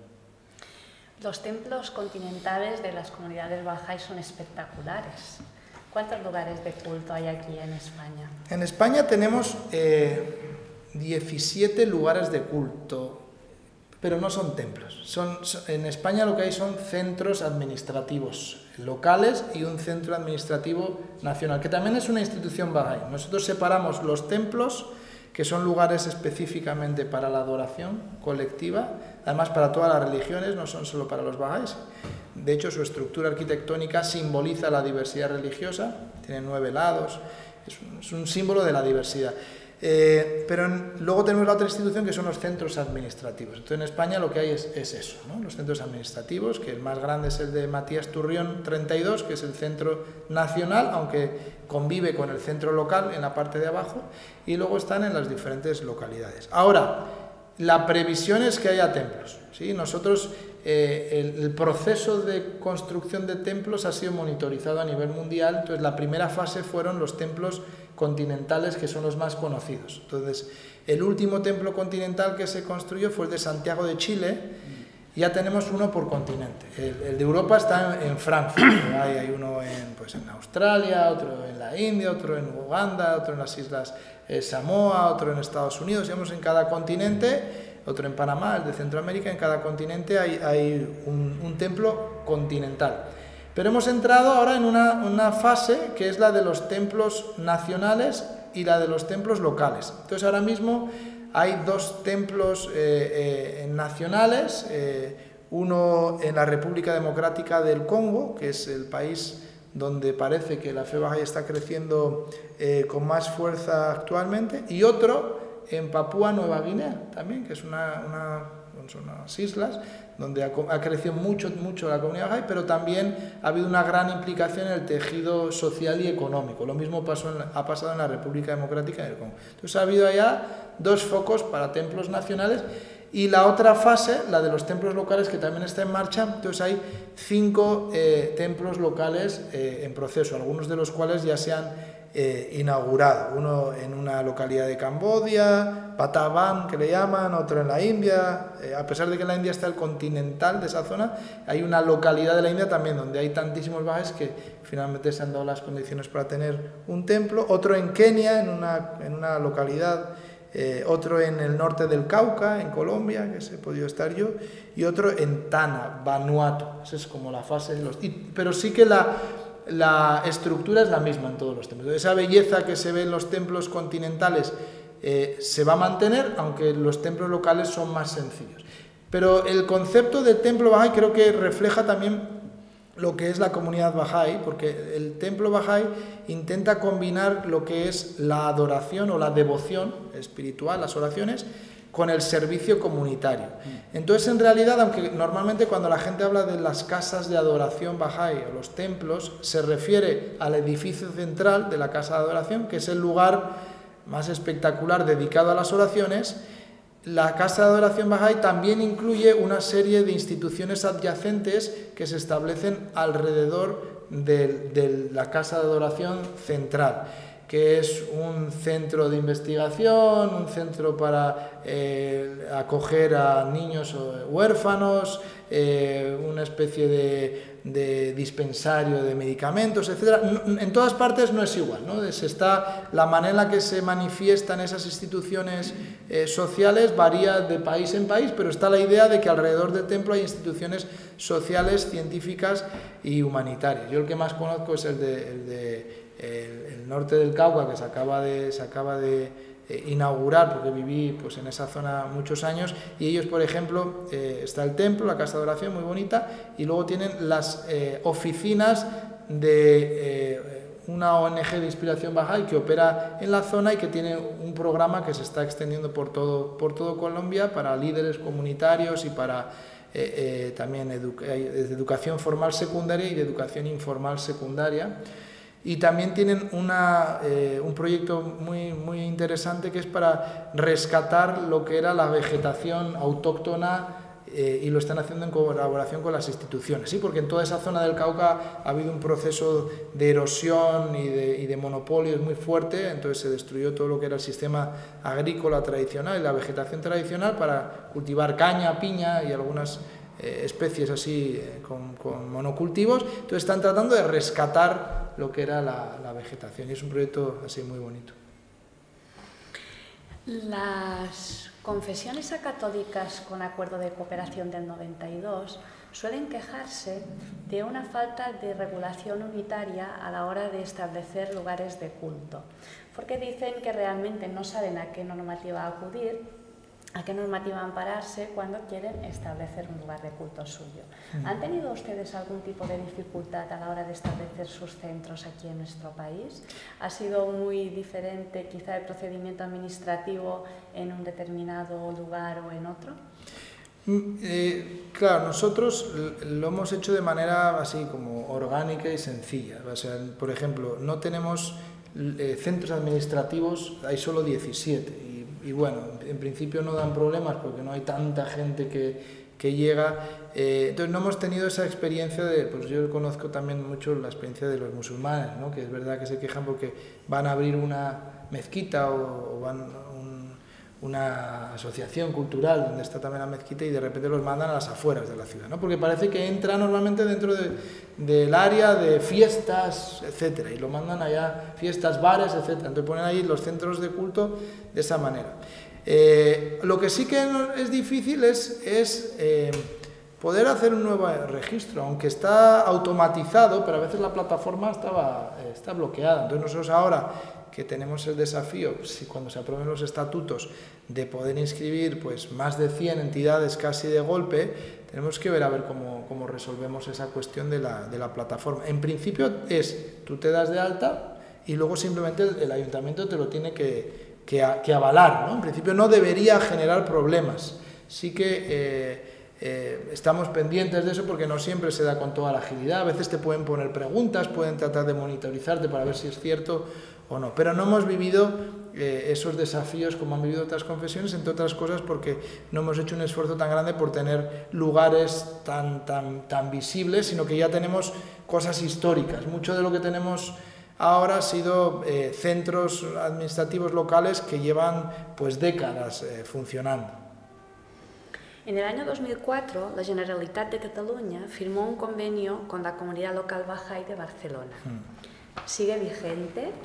¿En qué consiste este convenio? El, convenio que se firmó ya no, no está vigente. No, tampoco había unas especificaciones así muy directas sobre qué hacer. Eh, lo que reflejaba era una sensibilidad especial de la Generalitat hacia la diversidad religiosa, sobre todo hacia las confesiones no católicas, eh, que hizo que quisieran establecer este tipo, de, este tipo de convenios. Nosotros en la práctica aunque podríamos decir que ese convenio no está vigente, eh, colaboramos, hemos colaborado mucho con, con, la Generalitat, sobre todo a través de la Dirección General de Asuntos Religiosos, que han sido pioneros en esa materia, entonces hemos tenido muy buena relación con, con todos los directores. Yo eh, particularmente pues teníamos relación con el, con el anterior y nos han apoyado mucho.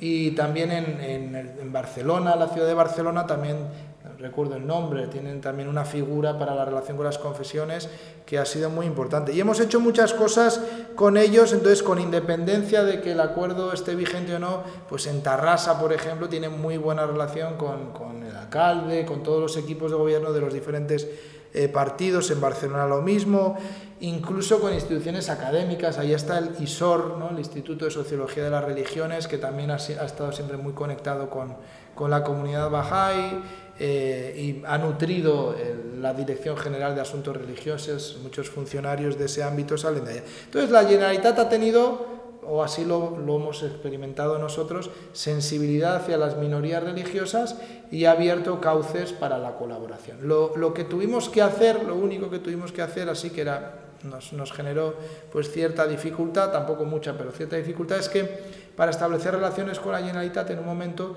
había que tener entidades que fueran catalanas. Entonces nuestra eh, división administrativa, las instituciones bajáis que menciona antes los tres niveles, local, regional y nacional, eh, claro, la regional, en un momento tuvimos siete consejos regionales y había uno para Cataluña, uno para el País Vasco, pero er, administrativamente era muy difícil mantener tantas instituciones y entonces ya desde, bastante, desde hace muchos años tenemos tres, ¿no? norte, sur y este, y el Consejo Regional del Este no se corresponde solo con Cataluña, sino que va desde, desde norte, Zaragoza, es una región bastante grande, pero tuvimos que, tener, tuvimos que crear una especie de, de entidad de afuera que era el Consejo Regional de Cataluña, ¿no? para, para poder relacionar con la Generalitat. Pero en realidad no han puesto, de hecho yo, yo soy de San Sebastián, he vivido, pero he vivido en Madrid en los últimos años y a mí me han recibido con los brazos abiertos, hemos organizado eh, jornadas allá, incluso una de las actividades más grandes de los últimos años, así pública, fue un congreso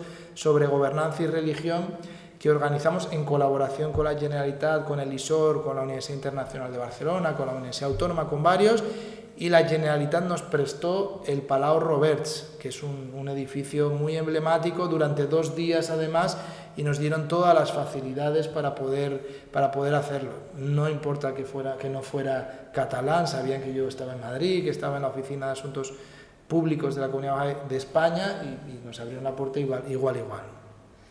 Al margen de este convenio, han firmado convenios en otras comunidades autónomas, con otro tipo, con entes locales, a lo mejor, no, uh -huh. no sé.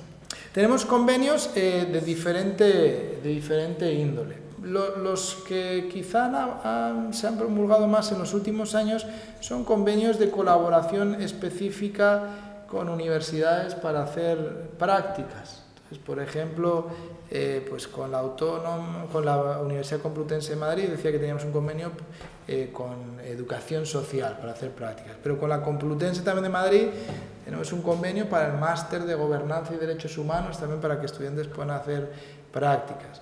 Con la Universidad Rey Juan Carlos también tenemos un convenio para hacer prácticas en el ámbito de, de, la comunicación, porque la Oficina de Asuntos Públicos de la Comunidad Baja de España, que hace las labores de, participación en el debate público, relación con el gobierno, etcétera, tiene un departamento que es de comunicación, entonces también hace. Eh, entonces hay, hay, ese tipo de, también con CEDEU Rey Juan Carlos, que es otra, un centro adscrito a la Rey Juan Carlos, tenemos un convenio. Luego en, en, en eh, las Islas Canarias, en Gran Canaria, también se han hecho algunos acuerdos con colegios para poder llevar el programa de empoderamiento juvenil que mencioné antes, algunos, algunos colegios y también la comunidad Bahá'í participa ya en, un, en una plataforma que ha creado el Ayuntamiento de Telde para las diferentes entidades que trabajan y tienen mucha conexión con la comunidad Bahá'í. Entonces hay, hay diferentes cosas en todo el país, pero normalmente es así por materia. En vez de hacer cosas más simbólicas, lo que, lo que estamos intentando es cuando hay algo específico con, que queremos trabajar y que vemos que podemos colaborar con otros, si es necesario formalizar el acuerdo, pues lo hacemos. Y en ese sentido, por ejemplo, eh, pues los Bahá'ís en esos programas de base están ahora cada vez estableciendo más relaciones con los, con los ayuntamientos locales, con las asociaciones locales que trabajan en ámbitos eh, compartidos, sobre todo de, de educación, y, y, como la educación tiene implicaciones en muchas áreas, pues prevención de conflictos, prevención de drogadicción, pero no tenemos programas específicos para eso, sino que algunos de los programas que ya tenemos así consolidados eh, pueden tener implicaciones. Y luego la Oficina de Asuntos Públicos que ha intentado trabajar en algunas áreas como... Eh, nuevos mecanismos de gobernanza, el papel de la religión en la sociedad, prevención de radicalización y derechos humanos, que son algunas de las temáticas que trabajamos, pues están haciendo constantemente jornadas, seminarios, congresos en colaboración con entidades, muchas de las cuales son universidades o entidades públicas. Entonces, cada vez que organizamos un evento hay todo un esfuerzo para ello. Entonces, con la autónoma, eh, pues hicimos un curso de verano con, con gente de la Universidad Autónoma y otras entidades. A veces también hemos hecho cosas en las que están implicadas eh, las fuerzas de seguridad o hay representantes políticos, entonces en algunos casos se necesitan hacer convenios. ¿no? Uno lo hicimos en el Centro de Estudios Políticos y Constitucionales que está pegado al Senado, no hubo que hacer convenio, pero también nos cedieron el espacio para poder hacer. Yo creo que ahí conocí, le conocí a Iván. Entonces, bueno, ha, habido, ha habido apertura en los últimos años para hacer cosas. Sigue habiendo resistencias en, en, en algunos sitios, pero es, no es por el marco legislativo tanto como por el desconocimiento de los funcionarios, eh, son técnicos o a veces políticos, porque tienen ahí cierta reticencia a veces con, con el hecho religioso. Ah, usted estaba hablando de algunos de los principios que marcan el funcionamiento del Bahá'í y por lo tanto de la comunidad Bahá'í. Y ha mencionado dos que creo que van totalmente cogidos de la mano, el tema de la educación y el tema del empoderamiento de la mujer. Mm. ¿Nos puede decir qué tipo de actividades, actuaciones, si tienen ustedes alguna línea para avanzar hacia la equidad de género? Sí, podríamos decir que hay tres tipos de actividades eh, en esa línea. Una tiene que ver con el crecimiento y el desarrollo de la comunidad Bahá'í, que la idea es crear comunidades locales, nacionales e internacionalmente, donde ese principio sea una realidad.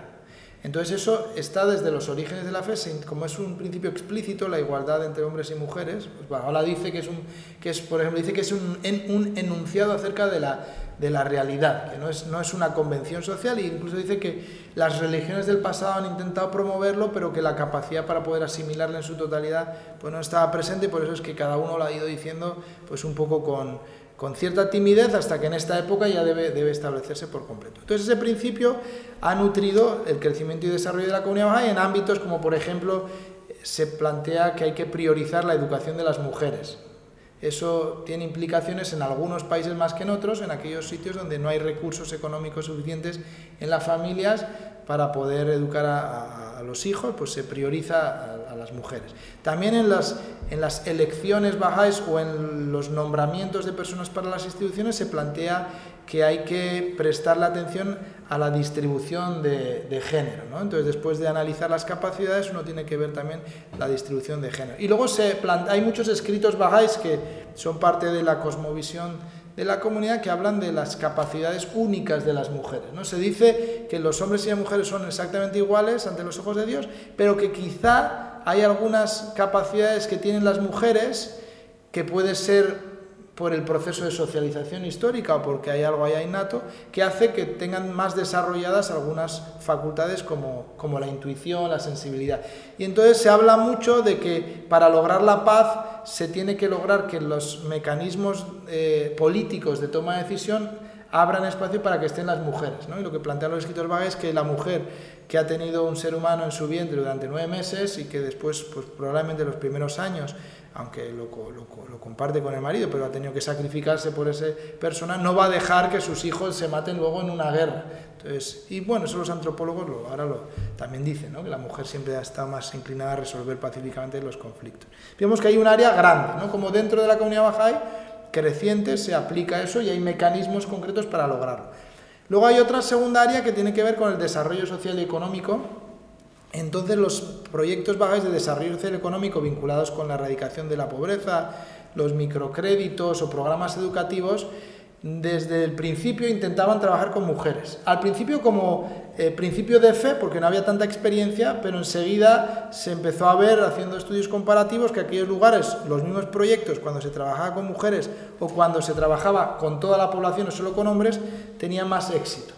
Entonces eso empezó a dar como alas a más bajas para que en sus proyectos introdujeran este sesgo eh, hacia, hacia las mujeres porque veían que en términos de desarrollo social económico tenía más repercusión. Entonces hay, incluso hay algunas ONGs eh, de inspiración Bahá'í que se dedican específicamente al empoderamiento de la mujer. Entonces hay una en particular en Estados Unidos, eh, Foundation, que es eh, en honor a una de las primeras heroínas, seguidora del BAP, que fue, también fue ejecutada, fue colgada. Eh, entonces tienen proyectos solo para, para, asesoramiento de la mujer, cuestiones legales, empoderamiento. Y, y, eso es un patrón que se repite en otros, en otros países. En África, por ejemplo, eh, hay dentro del instituto de formación que antes he mencionado, porque en todos los países hay esa figura, el instituto, tiene una línea que son temas de profundización para que la gente visite a personas en su localidad, en su aldea, para hablar de la igualdad de género. ¿no? Entonces, una manera de sensibilización.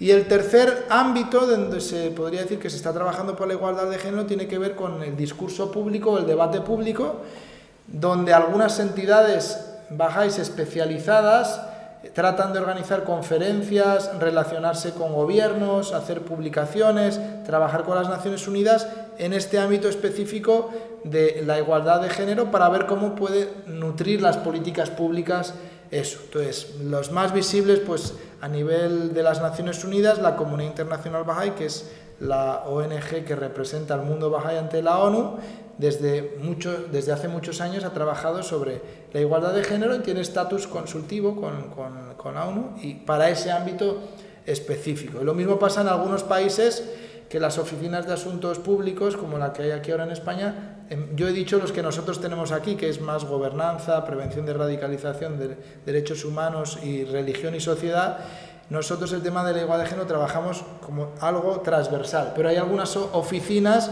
que lo han hecho como un tema específico, el trabajar sobre la igualdad de género.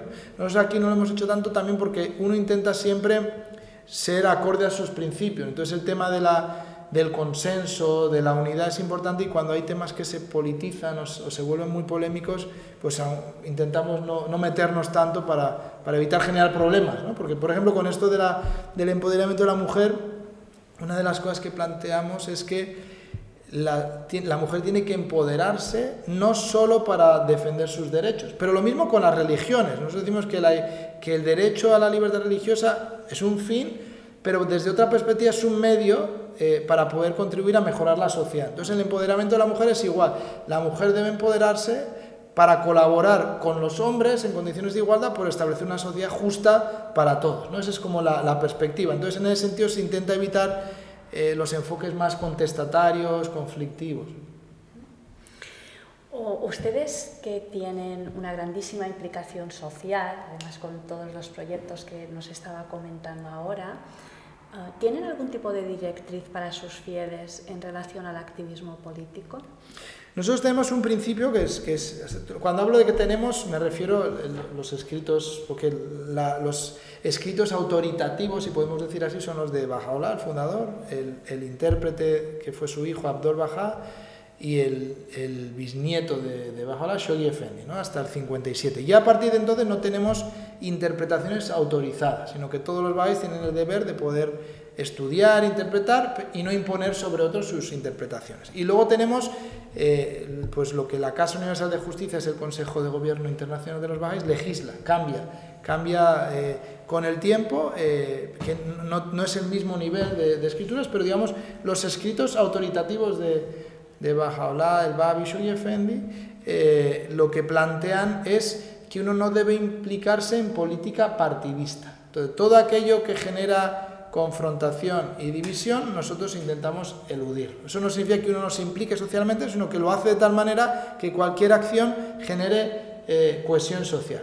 Eso tiene repercusiones prácticas en nuestro eh, compromiso social y las implicaciones. Digamos que genera líneas rojas que a veces se vuelven tenues. Entonces, por ejemplo, sabemos que es un principio irrenunciable la no participación en política partidista. Ahora, eh, en los últimos años, como cada vez estamos más implicados porque uno quiere mejorar la sociedad, tenemos que ver en cada circunstancia cómo se manifiesta. Entonces, hay cosas sí que son muy claras, pues los bajáis no pueden afiliarse a un partido político o no pueden participar en actividades que sean divisivas o generen conflicto, tampoco pueden participar en, en movimientos o protestas en contra de un gobierno, en contra de cosas directamente, pero luego se abren otros espacios que antes quizá no teníamos en mente, porque tampoco se había desarrollado tanto la comunidad Bahá'í, como es la colaboración con el gobierno o con sus instituciones o incluso podría decirse que con los partidos. ¿Qué significa eso? Significa que nosotros intentamos colaborar en la medida de nuestras posibilidades con todas aquellas entidades que trabajan por el bien común.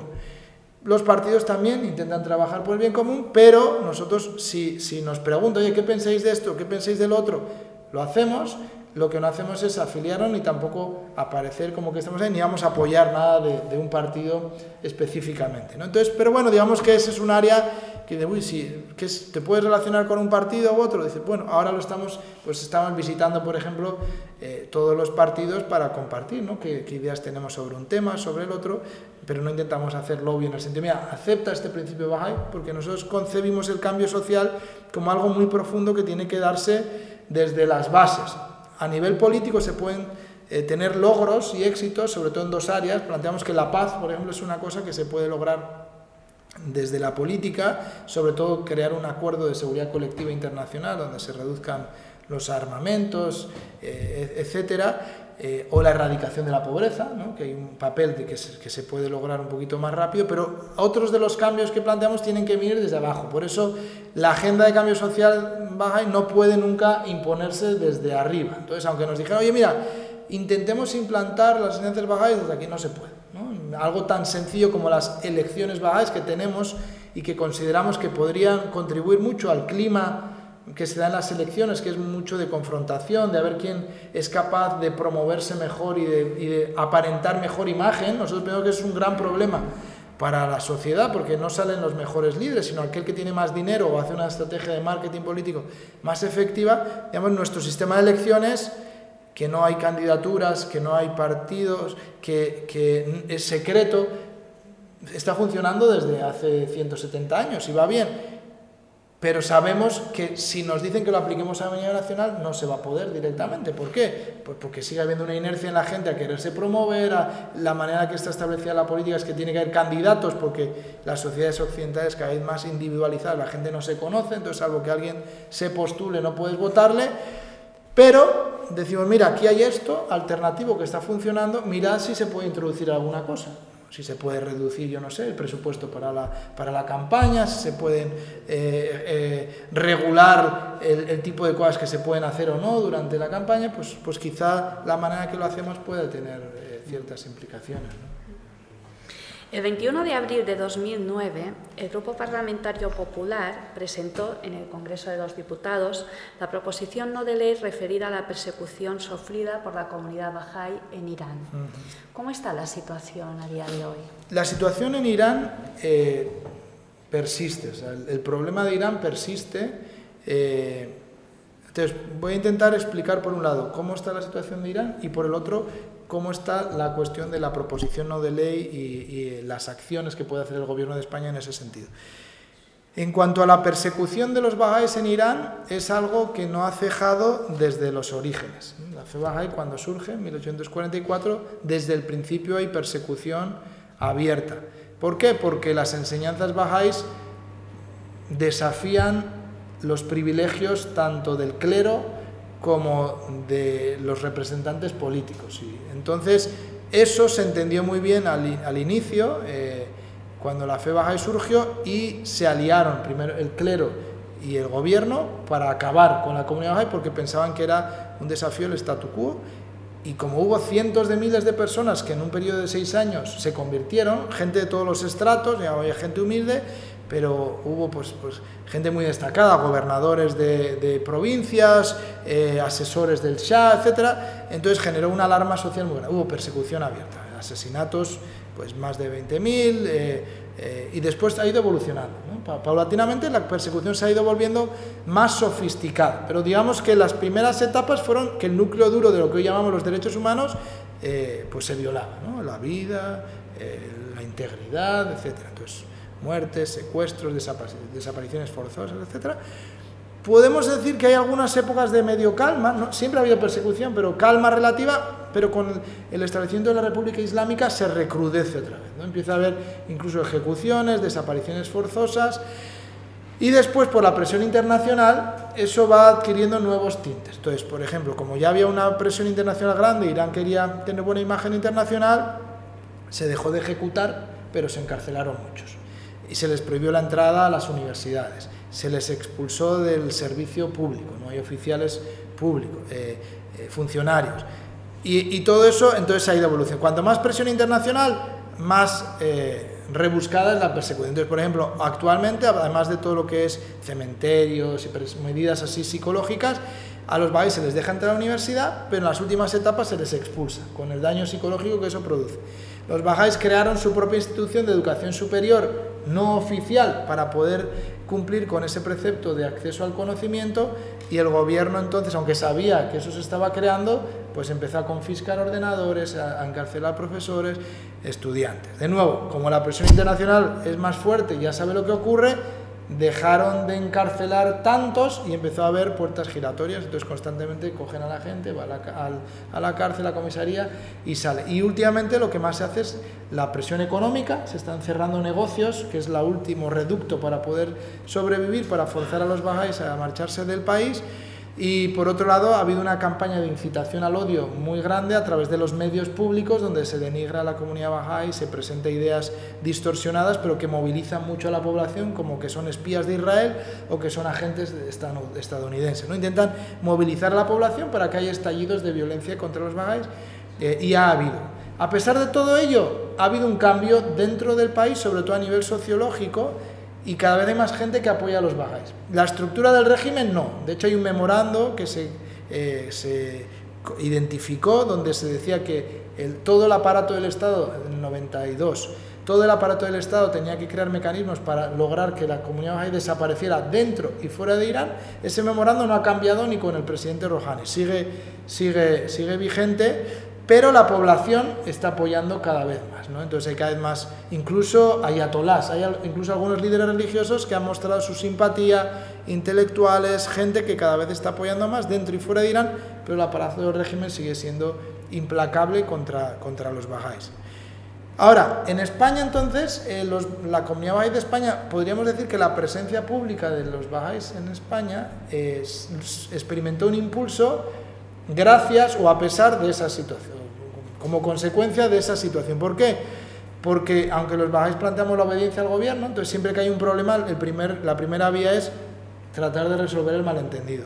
Segunda etapa, si, si realmente hay persistencia, pues ir a los mecanismos legales del país para poder salvaguardarlo. Y ya en casos excepcionales, que solo tenemos el caso de Irán, poder concertar una acción internacional aprovechando pues eh, lo que tiene la comunidad baja de ser una comunidad global bien coordinada para hacer una campaña internacional. Entonces se ha hecho mucha presión. Aquí en España entonces intentó ir al gobierno cuando nunca se había ido al gobierno más allá de, el registro, o algunas cosas menores. Entonces se empezó a intentar a visitar diputados, intentar llegar a esferas más altas, que no fue fácil, ahora ya tenemos mucha más presencia, pero no fue fácil.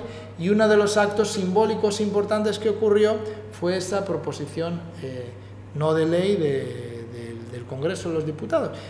Ahora mismo estamos haciendo más cosas, digamos, hay cosas destacadas, por ejemplo, en la legislatura anterior, todo lo que era la Comisión de Exteriores iban a sacar una proposición no de ley. Con todos los cambios políticos, elecciones, hay que empezar de cero desde el principio. Lo mismo en Cataluña, la Asamblea Catalana también iba, iba a hacerlo, hubo elecciones, cambio, entonces ahora vamos a reto, estamos retomando otra vez los contactos para que haya otra proposición no de ley, por otro lado, por un lado, que todos los partidos están dispuestos, ¿eh? nos hemos reunido con todos ellos, están dispuestos.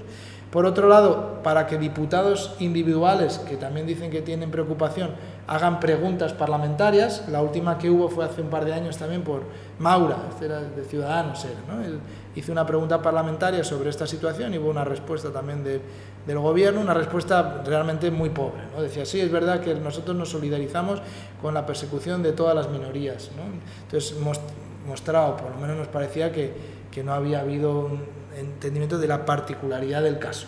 Aunque dentro del partido del gobierno también hay que decir, ¿eh? tenemos gente que sabemos que es sensible y de hecho había gente en la Comisión de Exteriores que, que, que ayudó, que ayudó mucho. Pero bueno, luego la, la otro, lo otro es es más difícil. Y también ha habido gente como por ejemplo Esteban Ibarra del Movimiento contra la Intolerancia, que él fue muy activo de cara a ayudar a los musulmanes eh, a crear la plataforma contra la islamofobia y a los judíos también, la plataforma contra el antisemitismo, que también ha liderado una iniciativa que es un comité de solidaridad eh, con los bajáis. Entonces ahí hay toda una entidad que también está haciendo sus esfuerzos.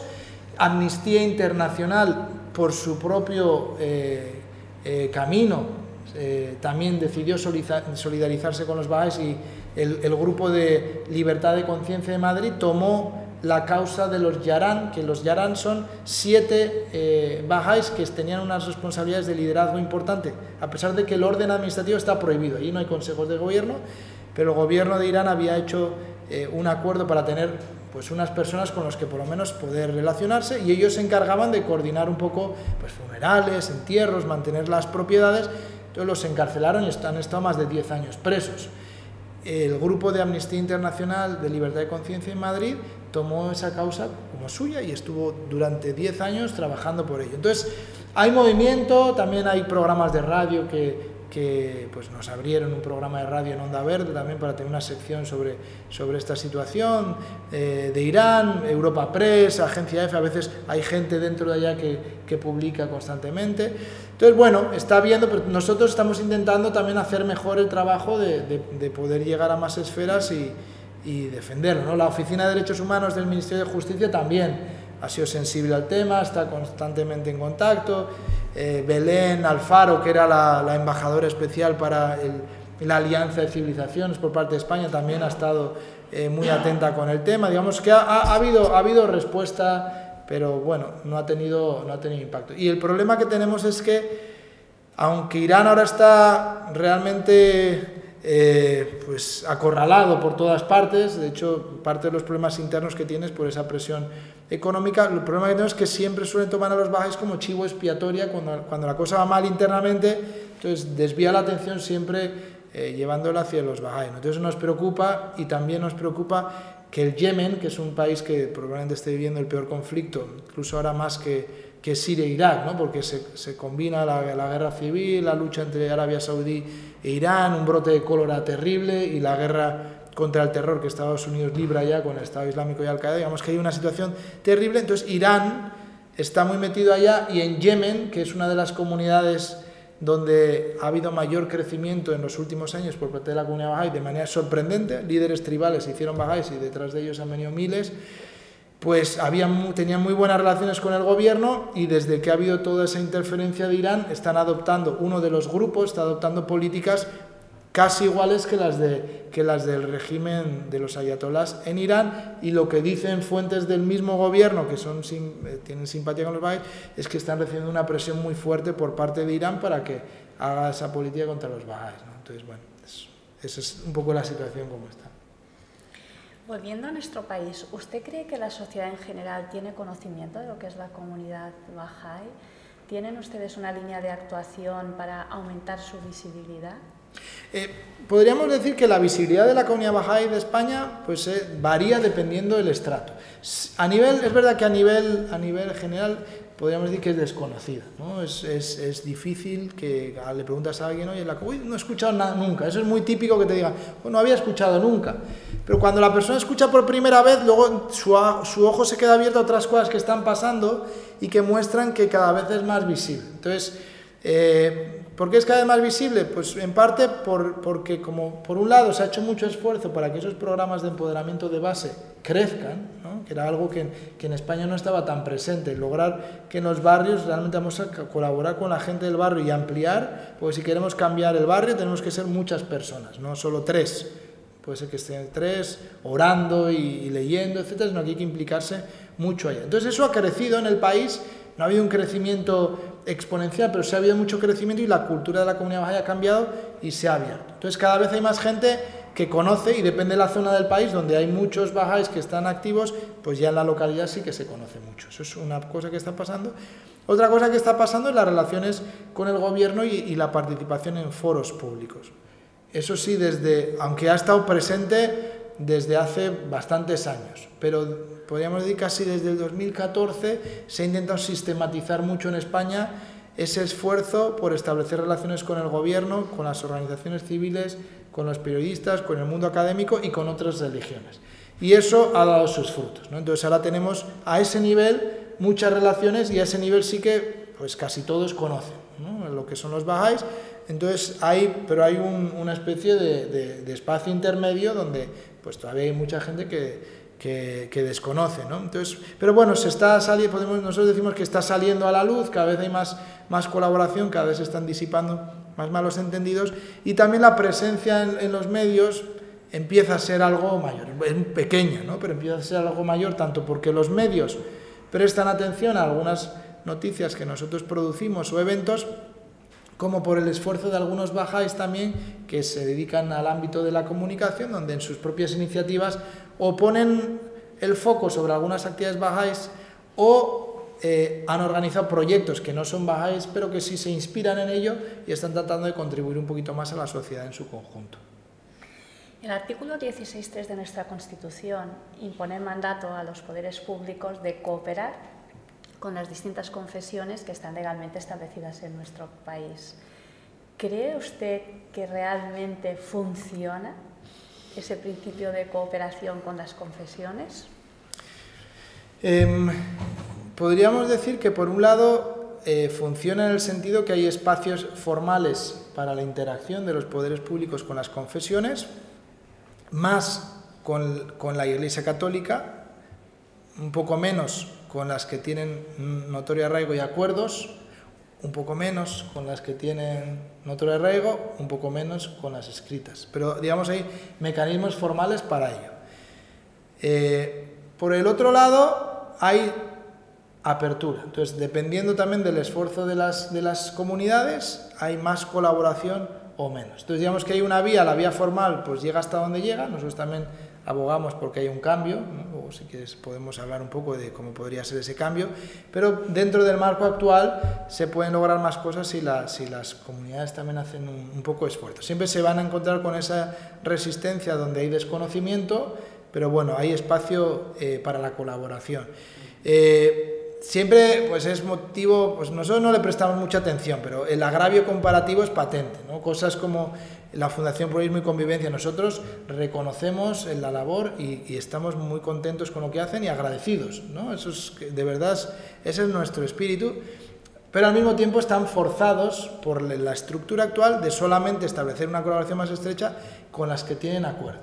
Entonces, aunque tengas muy buena relación, aunque piensen que puedes incluso contribuir a algún proyecto sustancialmente, cuando son proyectos exclusivos de esas entidades no puedes entrar aunque quieras. ¿no? Digamos que hay un, agravio eh, comparativo. Nosotros, en realidad, lo que ocurre contra la comunidad Bahá'í, intentamos interpretarlo desde la óptica, mira, la fe Bahá'í no es lo que he dicho antes, no es un fin, ¿no? La comunidad Bahá'í lo que pretende es contribuir a transformar la sociedad junto con otros, y otros también. En ese sentido, pues dice, los privilegios que debe tener es para eso, no para que los creyentes simplemente disfruten de su derecho al ejercicio de la libertad religiosa, que es legítimo también, ¿no? pero siempre desde esa óptica de poder contribuir eh, al bien mayor. Y en ese sentido, pues no, no solo por lo que nosotros podamos hacer, otras confesiones también pensamos que la manera que está regulado actualmente, aunque facilita la comunicación formal, impide aprovechar el poder que tienen las confesiones religiosas para abordar cuestiones sociales y económicas dentro de las cuales tienen mucha experiencia. Eh, ¿Por qué? Porque a veces simplemente la relación con las confesiones sea en el término, bueno, cuando hay algo de libertad religiosa, entonces ahí sí tenemos en cuenta las confesiones. Cuando hay algo que puede menoscabar su libertad religiosa, tenemos en cuenta, o cuando hay algo para modificar la legislación. Pero ¿qué pasa cuando estamos hablando de los servicios sociales en España? Y hay que reconocer que la Iglesia Católica es la que tiene la mayor parte de los servicios sociales, pues comedores, etcétera. Dice, pues también es normal que lo aproveches. ¿Qué ocurre con la educación? Que es un tema de polémica. Yo no, no digo que sea una cosa u otra, pero es natural pensar que si quieres extender la educación en el país, y ya hay centros establecidos, pues establecer algún tipo de colaboración en vez de crear una estructura totalmente nueva. Entonces, el poder o el potencial que tienen las comunidades religiosas para abordar cuestiones económicas y sociales es grande. Entonces, sería natural, o así lo pensamos, que hoy día, donde los desafíos que enfrenta la humanidad son tan graves y los mecanismos que, con los que estamos intentando hacerlo se han mostrado que no son efectivos, seguimos con el cambio climático, el terrorismo internacional, los flujos migratorios, yo no sé, los déficits de gobernanza de la Unión Europea, hay un montón de problemas que no podemos resolver. Pues hay que ser imaginativos y, utilizar los recursos que tiene la humanidad a su disposición y las comunidades religiosas, toda esa experiencia que han ganado, pues sería natural introducirlos en el debate con naturalidad, no para decir que tienen que tener privilegios o no, porque el debate sobre las confesiones a veces es eso, ¿no? Sí o no, privilegio o no, privilegio, relación Estado o no, sino más bien a ver este problema social creamos un espacio y veamos qué pueden, qué pueden hacer. Entonces, un poquito nuestra perspectiva sobre ese tema está enmarcada dentro de esta, de este, de esta perspectiva más amplia de contribuir al bien social eh, y eso sí que está menos, ¿no? cada vez más, pero está menos. Y luego lo otro que, que me has dicho de, de, la relación formal, pues también ha mejorado, pero sigue siendo un poquito, genera algunos agravios eh, comparativos. Podemos entender de lo que viene diciendo que ustedes abogarían entonces por una reforma de la Ley Orgánica de Libertad Religiosa. Eh, voy a ser cauto, porque todas estas cuestiones jurídicas requieren también su examen jurídico. Nosotros cuando presentaron eh, la propuesta de decreto ley sobre el notorio arraigo y sobre el registro de entidades religiosas, emitimos un pequeño informe, que lo tengo aquí. He traído un, un informe muy pequeñito en el que planteábamos, por un lado, cómo veríamos el ejercicio de la libertad religiosa en, en, España en general, y luego la segunda parte era, bueno, la comunidad Bahá'í, eh, en qué se podría beneficiar con otra regulación. Entonces, nos parece que el punto problemático es el poder dar privilegios en función de un estatus. Y eso es, eso es lo que no, no nos parece que sea, que sea justo, incluso atendiendo al número de, de, fieles. ¿no? Por lo que Iván ha mencionado antes, yo creo que los argumentos son un poco, un poco parecidos. Bueno, eh, las personas tienen el derecho al ejercicio de libertad religiosa. Tú naces o te haces de una o de otra, ¿por qué tienes que tener más privilegios eh, que otra? Es, cierto que debería haber cierto proceso de legitimación de las confesiones para que puedan ser el objeto de, de, de derechos. ¿no? Pues lo mismo, si yo ahora digo que voy a montar una religión y quiero tener los mismos derechos que otras religiones, bueno, qué es lo tuyo, demuestra que eso realmente tiene fines sociales, no va en contra de, de la Constitución, hay, un, hay una cosa sincera, religiosa allá, entonces es normal que pueda haber un proceso de legitimación, pero luego, una vez que está eso allá, el establecer las jerarquías pues genera problemas y más cuando esas jerarquías no son objetivas, sino hay algunos privilegios que simplemente están allá pues por tradición o porque había algunas lobbies más poderosos, más influencias, más contactos, una deuda histórica, no lo que sea.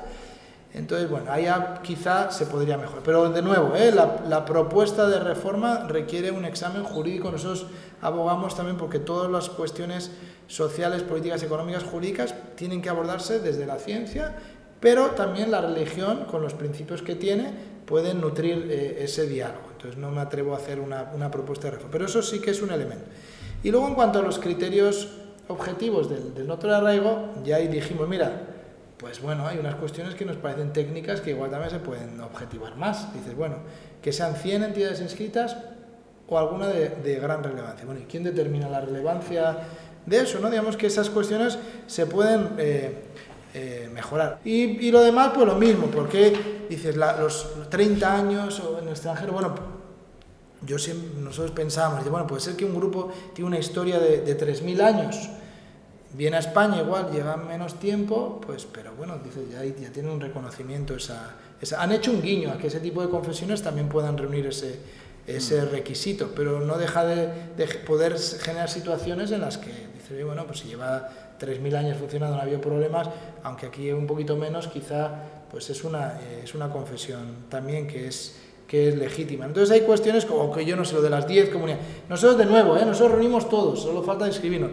Pero si uno está pensando en, en otras y en el país, lo mismo, las 10 comunidades autónomas, ¿eh? pues si realmente están en 5 y hay una presencia tan fuerte, pues bueno, no le vas a quitar un privilegio que estás, estás más concentrado en una zona del país y además que las otras que lo tienen no lo están igual, ¿no? Entonces te vuelves discriminatorio.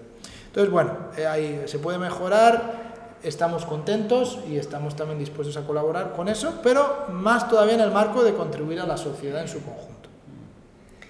Pues es obligado hacer la pregunta final. La mayoría de las entidades religiosas, comunidades, confesiones inscritas son eso, meramente inscritas, mm. sin acuerdo de cooperación, sin declaración de notorio arraigo. Ah, ¿Tiene esto alguna ventaja? Claro, tiene ventajas con respecto a las que no están inscritas. ¿no? Podríamos decir que, por ejemplo, Iván ha dicho algunas cosas. Pues sí, es mejor estar inscrito probablemente que no estar inscrito. Digamos, la evaluación es que sí, porque si no, no, nos habríamos inscrito. ¿no? La evaluación costes-beneficios, no solo es costes-beneficios, también un tema de, de, dignidad, honorabilidad, que si eres una confesión, oye, te debes registrar donde, donde debes y visibilizarte. ¿no? Pero bueno, luego aparte de eso, pues tienes una interlocución con los poderes públicos, eh, se te pueden abrir pues, canales para, para colaborantes. Bueno, es algo, es algo interesante. ¿no? Eh, obviamente, con respecto a las que tienen otro arraigo y, y, acuerdos y la Iglesia Católica, pues, pues no tienes menos, muchos menos eh, privilegios, ¿no? Lo mismo con la Iglesia Católica. Nosotros no planteamos que, oye, mira, como hay una que tiene privilegios, quitémoselas a todos, sino que, oye, igualemos los privilegios por arriba, ¿no? por arriba. Y, de nuevo, no viendo solo la religión como un lobby a defenderse, que, eso nos han dicho algunas personas que han tenido responsabilidades eh, políticas importantes, nos han dicho, es que vosotros deberíais hacer un lobby conjunto para reclamar mejor vuestros derechos y ser más efectivos. Nosotros esa perspectiva no nos acaba de convencer porque no queremos tener privilegios tampoco. Lo que queremos es contribuir a la sociedad, que es la razón. Porque nosotros, la historia de la fiesta, el BA, Bajaola, todo, el BA fue ejecutado, 20.000 seguidores, Bajaola toda su vida exiliado, por una causa que consideraban que no era ni para él, ni para los iraníes, sino para la humanidad. Entonces nosotros intentamos, pues, eh, con una distancia grandísima, pero hacernos eco de ese espíritu y decir, es que la razón de ser, de ser baja y de la comunidad es contribuir a la sociedad, no es ahora venir a tener privilegios y, ser un lobby o tener una, una, entidad que está ya en las élites de poder, no es esa nuestra razón de ser, para eso no habría existido, no habría venido baja hora. Entonces, uno quiere poder contribuir a la sociedad y, y, bueno, pues la manera que está establecido el sistema tienes cosas y tú tienes que intentar lograrlo. Digamos, yo también digo, nosotros somos los que tenemos que aprender a contribuir más y mejor a la sociedad. Hombre, si los poderes públicos pueden poner aprovecharse de eso, no, no ponernos en condiciones de igualdad competitiva, porque no quiere uno competir con las otras confesiones, por, por, un lado, porque nosotros decimos que todo es una religión. Todas formamos parte de un mismo sistema, no tiene sentido que mi mano compita con, el otro, con la otra mano, porque somos parte de un mismo cuerpo. De la misma manera vemos a las confesiones, pero sí generar las condiciones para aprovechar el poder que hay condensado en esos sistemas, liberarlo y ponerlo al servicio de la transformación social y de la, y de la sociedad en general. UIB Universitat Podcast, uno de los canales transmedia de la Universidad de las Islas Baleares, donde compartimos contigo temas y diálogos sobre docencia, investigación, internacionalización, innovación, transferencia, cultura y mucho más.